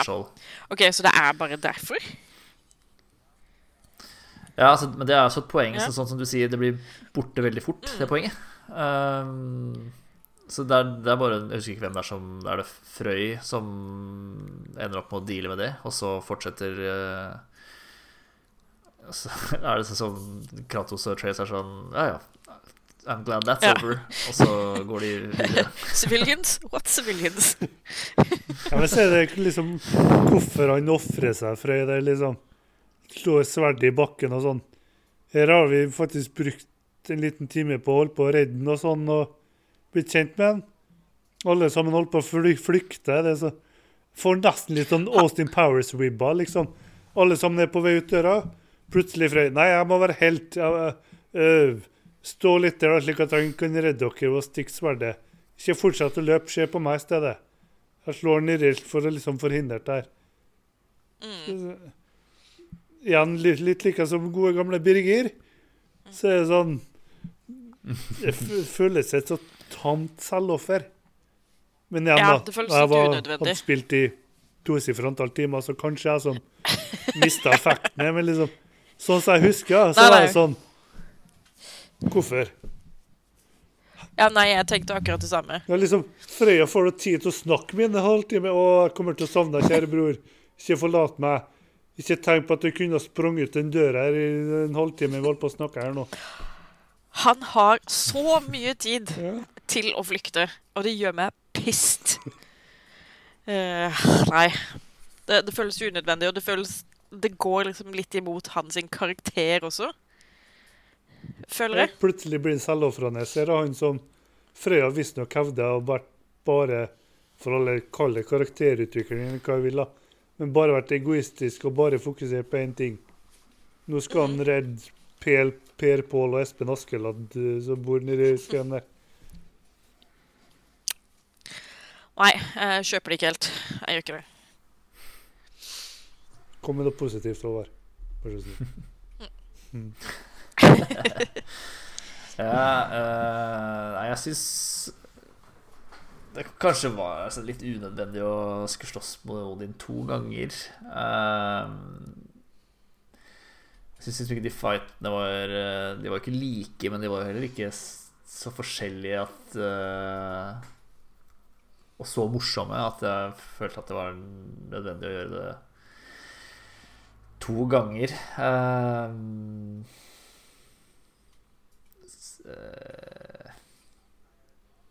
ja, jeg vet ikke liksom hva jeg skal trekke fram som er sånn spesielt positivt. Da. Jeg er jo litt sånn enig med mye dere, det dere sier om at det skjer litt for mye på litt for kort tid. Eh, alt med Midgardsormen og liksom det som bare er sånn i bakgrunnen. Og liksom, det spillet her er mer som en interaktiv film, da. Så kunne de jo lagt inn noen kule cutscenes hvor du får se Midgardsormen og Thor om det ikke man deltar i det sjøl, da, så i hvert fall kan du se det på litt nærmere hold. Ikke bare som noen animasjoner som gjentas i bakgrunnen. Ja, men de har på en måte ødelagt litt den muligheten for seg selv ved å lage spillet på den måten de har gjort. Mm, ved at du konstant er liksom Du følger så tett på hovedkarakteren, da, hvem det nå enn du, er, du Mm. spiller som. Og det skal ikke kuttes eller klippes fra en liksom vinkel til en annen, så de har på en måte skutt seg selv bitte lite grann i stortåa akkurat der. Når det skjer Når det er mye som skal fortelles på en gang, da. Tenker jeg, da. Mm. Men det er, jo, det er jo mye action og Sånn, jeg likte egentlig den uh, I hvert fall sånn si, spenninga da, rundt hele den der um, Frøy-situasjonen hvor han holder igjen det sverdet og uh, Jeg syns jo det var et uh, et bra klimaks. Uh, jeg syns jo synd på Frøya, som mister liksom enda en uh, person, eller uh, som står henne nær. Uh, som liksom hun har si, savna. Ikke hatt så mye med å gjøre litt av naturlige årsaker. Hun har ikke kunnet. som jeg syns legger til en ekstra sårhet da, ved hele Frøya sin sin karakter, som også kanskje liksom blir litt fort glemt. Uh,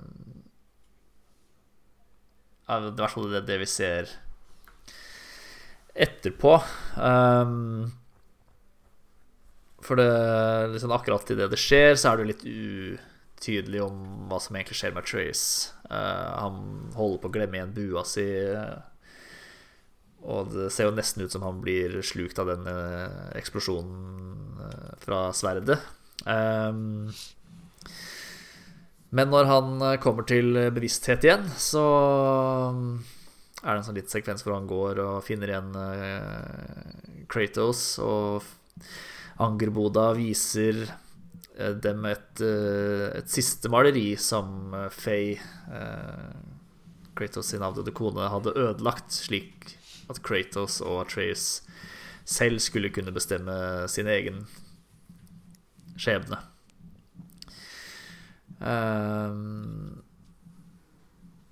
og når de har sett, sett det, så forteller Atreus Kratos at uh, han ønsker liksom å finne de, de gjenlevende kjempene og gir et, uh, et varmt og litt, litt, smårørende farvel til faren sin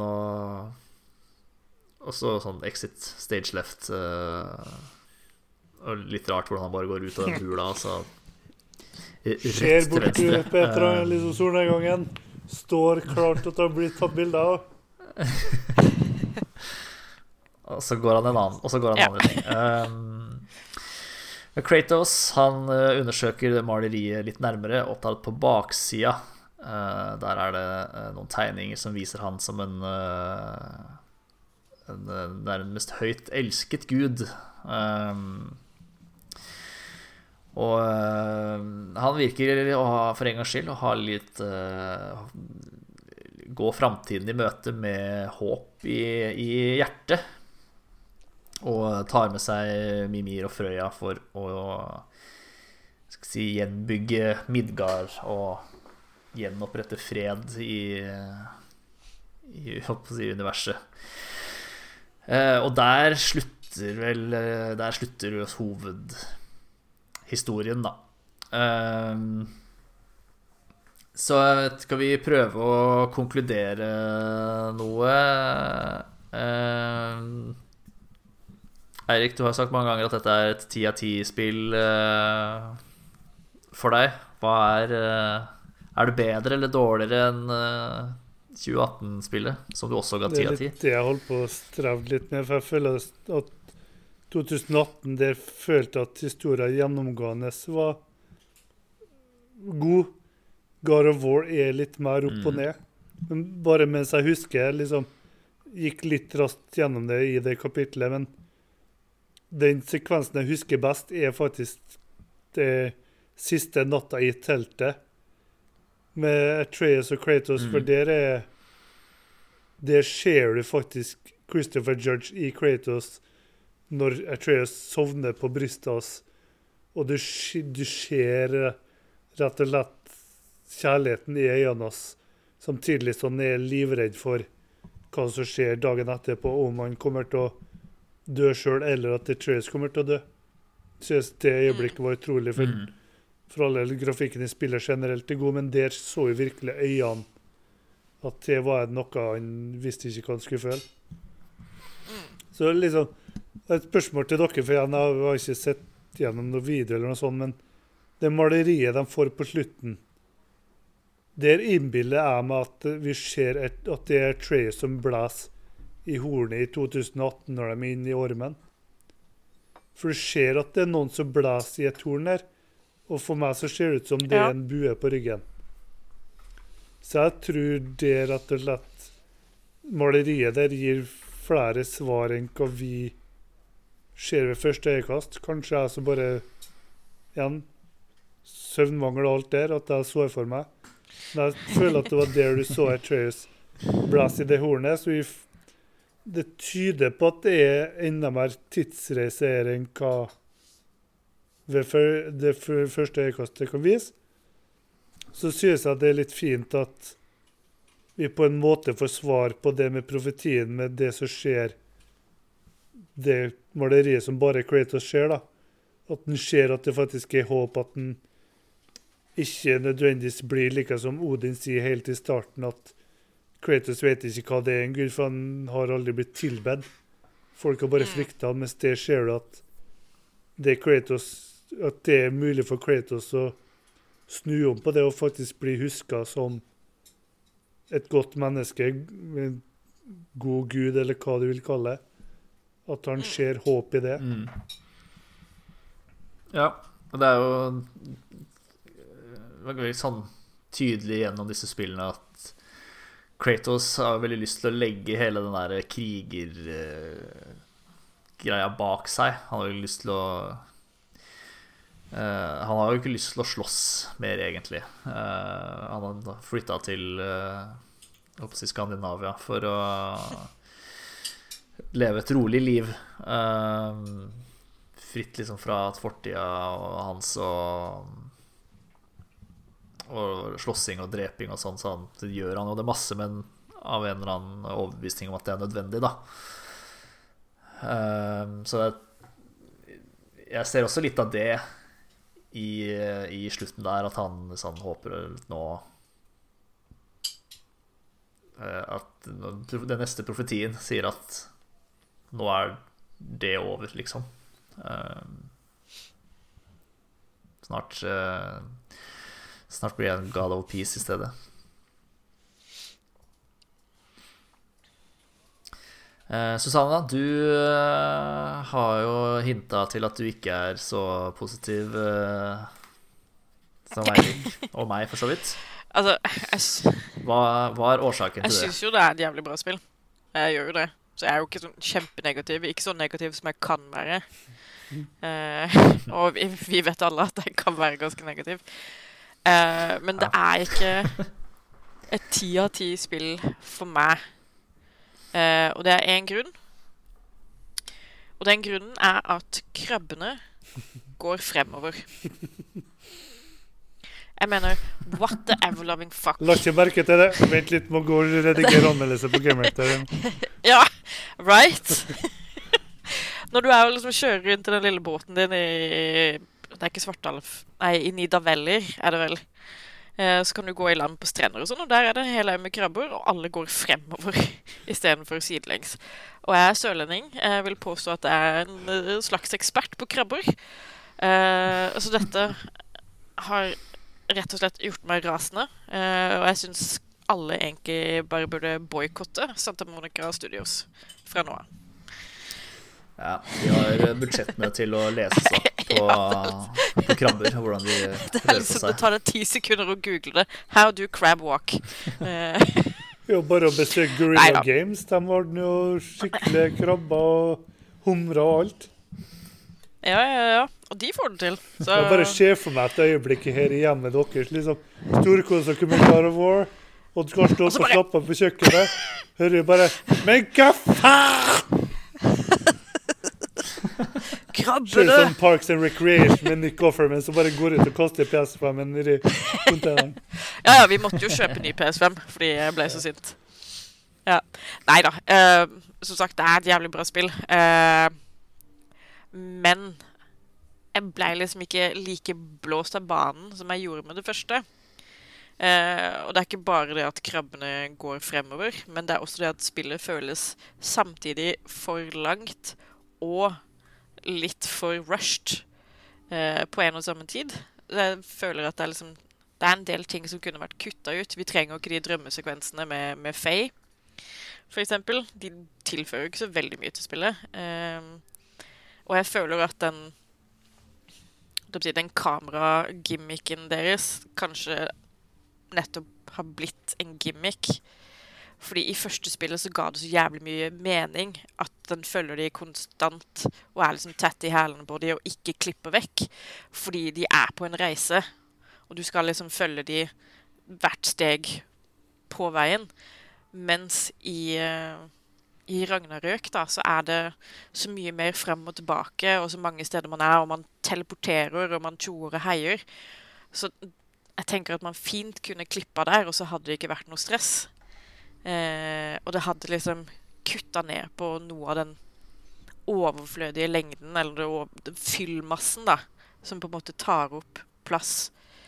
Eh, som kunne vært utnytta bedre, da. Til å liksom flashe ut Birger, kanskje, og Frey, og eh, gjøre den siste biten litt mer eh, forståelig og tydelig og ikke så rotete.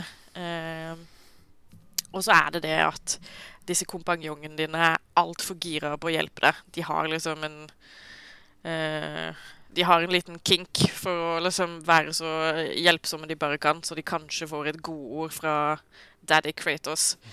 Eh, så de er liksom De er altfor på.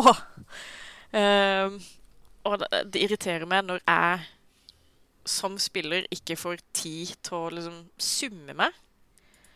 Um, og ikke Jeg føler at Santa Monica Studios ikke stoler på meg som spiller fordi de er så raske med å være sånn Her, her, her! Kast her! Spyd her! The chains her! Uh, løp! Tre steg til venstre, to steg til høyre, og så tar du en liten snurr, og så er du i mål, liksom.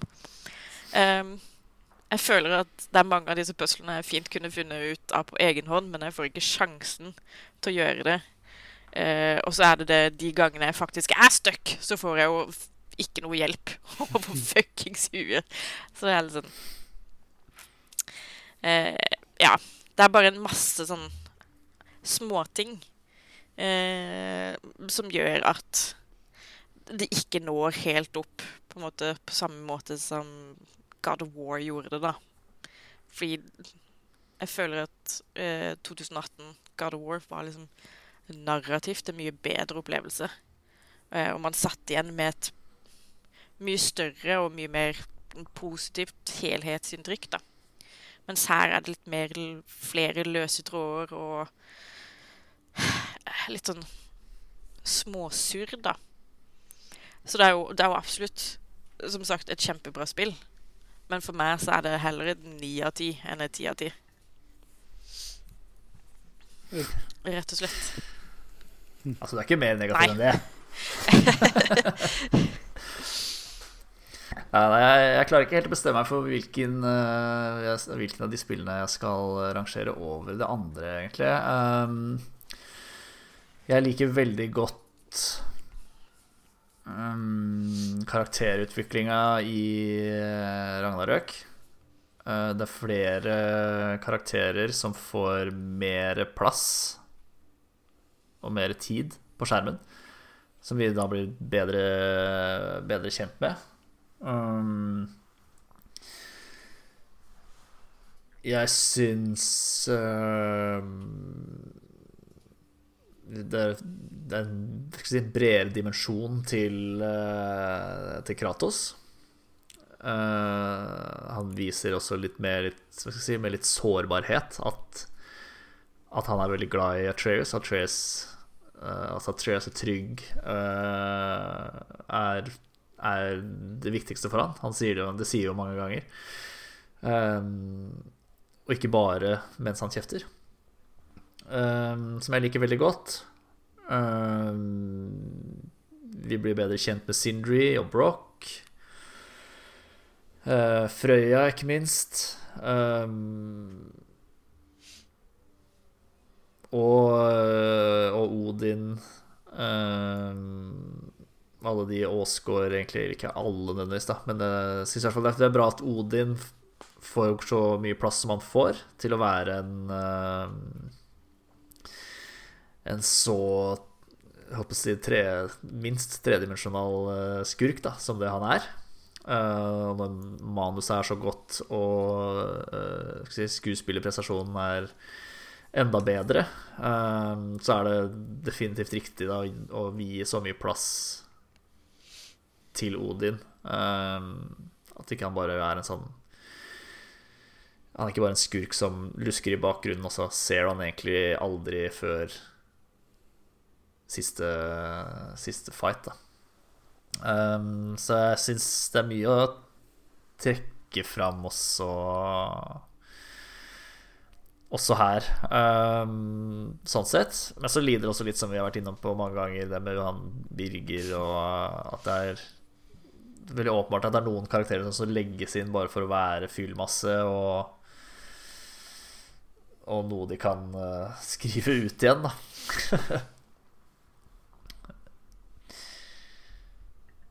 Um, ja.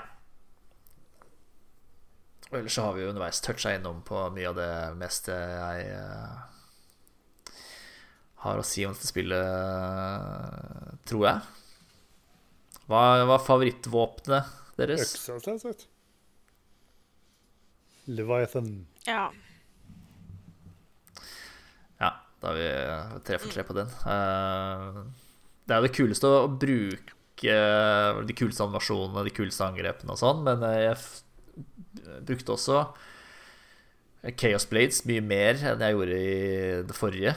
Uh, det er verdt å trekke fram hvor mye bedre kampsystemet i tar, føler jeg. For en jeg var sånn, i alle fall på de vanskeligste kampene av sideoppdragene med vår kjære Valkyrie Queen igjen og sånn, at der ble det den vekslinga, særlig pga. at de spesielle angrepene er jo på forskjellige cooldowns, de forskjellige våpnene. Så da gå fra Leviathan-axa til mm. Chaos Blades mm. til speed og sånn, hvor smidig det lar seg kombinere. Og på mm. forskjellige måter, på forskjellige spillestiler, hvor mye bedre det er. Variasjon vil jeg si rett og slett er Ragnarok i store styrke.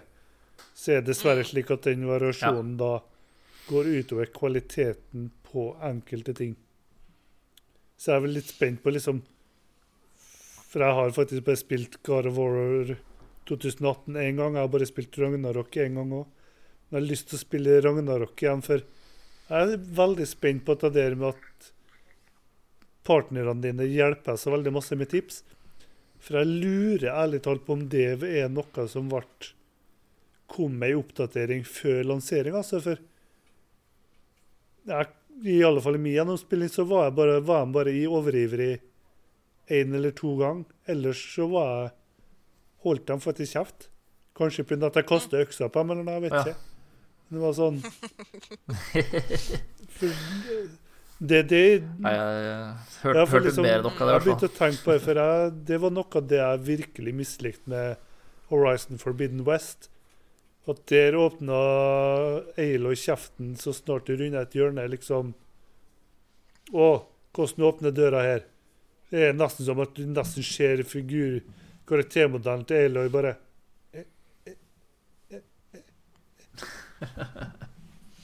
mm, Ja.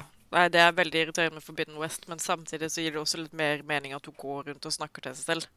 Fordi hun er en sånn loner-karakter. Men hun hadde ikke trengt å gjøre det så ofte. La meg, la meg, slite med en greie i hvert fall fem minutter før du er sånn Kanskje du skulle gå denne veien og se hva som er her. Det er jo det som gjør det ekstra fascinerende når både Horizon Forbidden Bay, West, God of War alt fra PlayStation Studios nå har blitt så veldig, for å bruke det norske ordet, tilgjengelighetsfokusert. Og så er mm. en av få innstillingene de har, en, en av innstillingene som har blitt populær i ganske mange spill nå, å be partnere om å holde kjeft. Det er ikke noe måler for det, liksom, her. De, skulle, de kunne jo lyst til, like som Naughty Dog i Uncharted og The Last of Us, at etter en stund så får du beskjed om du trykker på R3 nå, så kan du spørre Jeg tror jeg skal gamlefar ikke forstår dette her. I stedet for at han liksom overivrig R3 er klar til å vise pappa hvor smart han er blitt i løpet av de tre-fire årene, eller hva igjen. Mm. Ja. ja. det er nok også sånn det jeg har å klage på. Jeg er altså ikke sånn kjempe glad i Det er mange av kampene, mange av fiendene som har litt sånn angrep som jeg føler stunlocker meg. Som er sånn Jeg kommer meg ikke unna Hvis jeg først har blitt uh, eh, fanga i et angrep, så kommer du ikke unna uten å miste masse liv bare fordi de uh, de, ja, de stønner nok Hvordan da? Um, jeg har spilt på nest vanskeligste, skjønner du, så jeg kan hjelpe deg. så det er, det er jo sikkert skill issue, da, men uh, ja, det, det, det, er, det, er, frustrerende, da. Med, I hvert fall de litt vanskeligere. Særlig de side, sideoppdraget er jo vanvittig vanskelige, syns jeg. Um, så mange av de har jeg bare Har jeg rage-quitta. Og fuck it, da får jeg heller gå og gjøre main story, da. Hvis ikke vil jeg at jeg skal klare sideoppdragene. Speaking of which, vi har jo bare gått gjennom hovedhistoria nå. En av sideoppdragene som virkelig ja. merker jeg, så kan vi jo for all del snakke om begravelsen nå. Den har vi faktisk ikke vært i ennå. Nei, ikke jeg heller.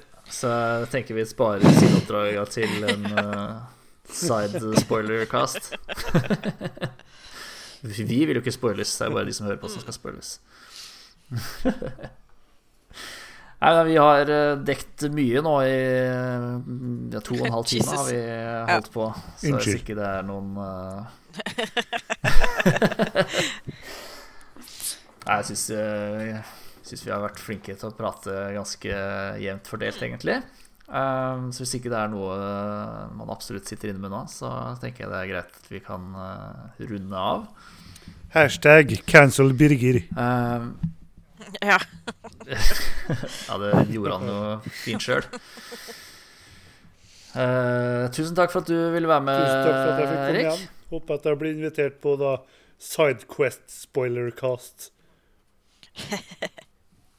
Ja, vi får sette inn et, et, et spille oss gjennom Sidequests uh, Ja. Susanne.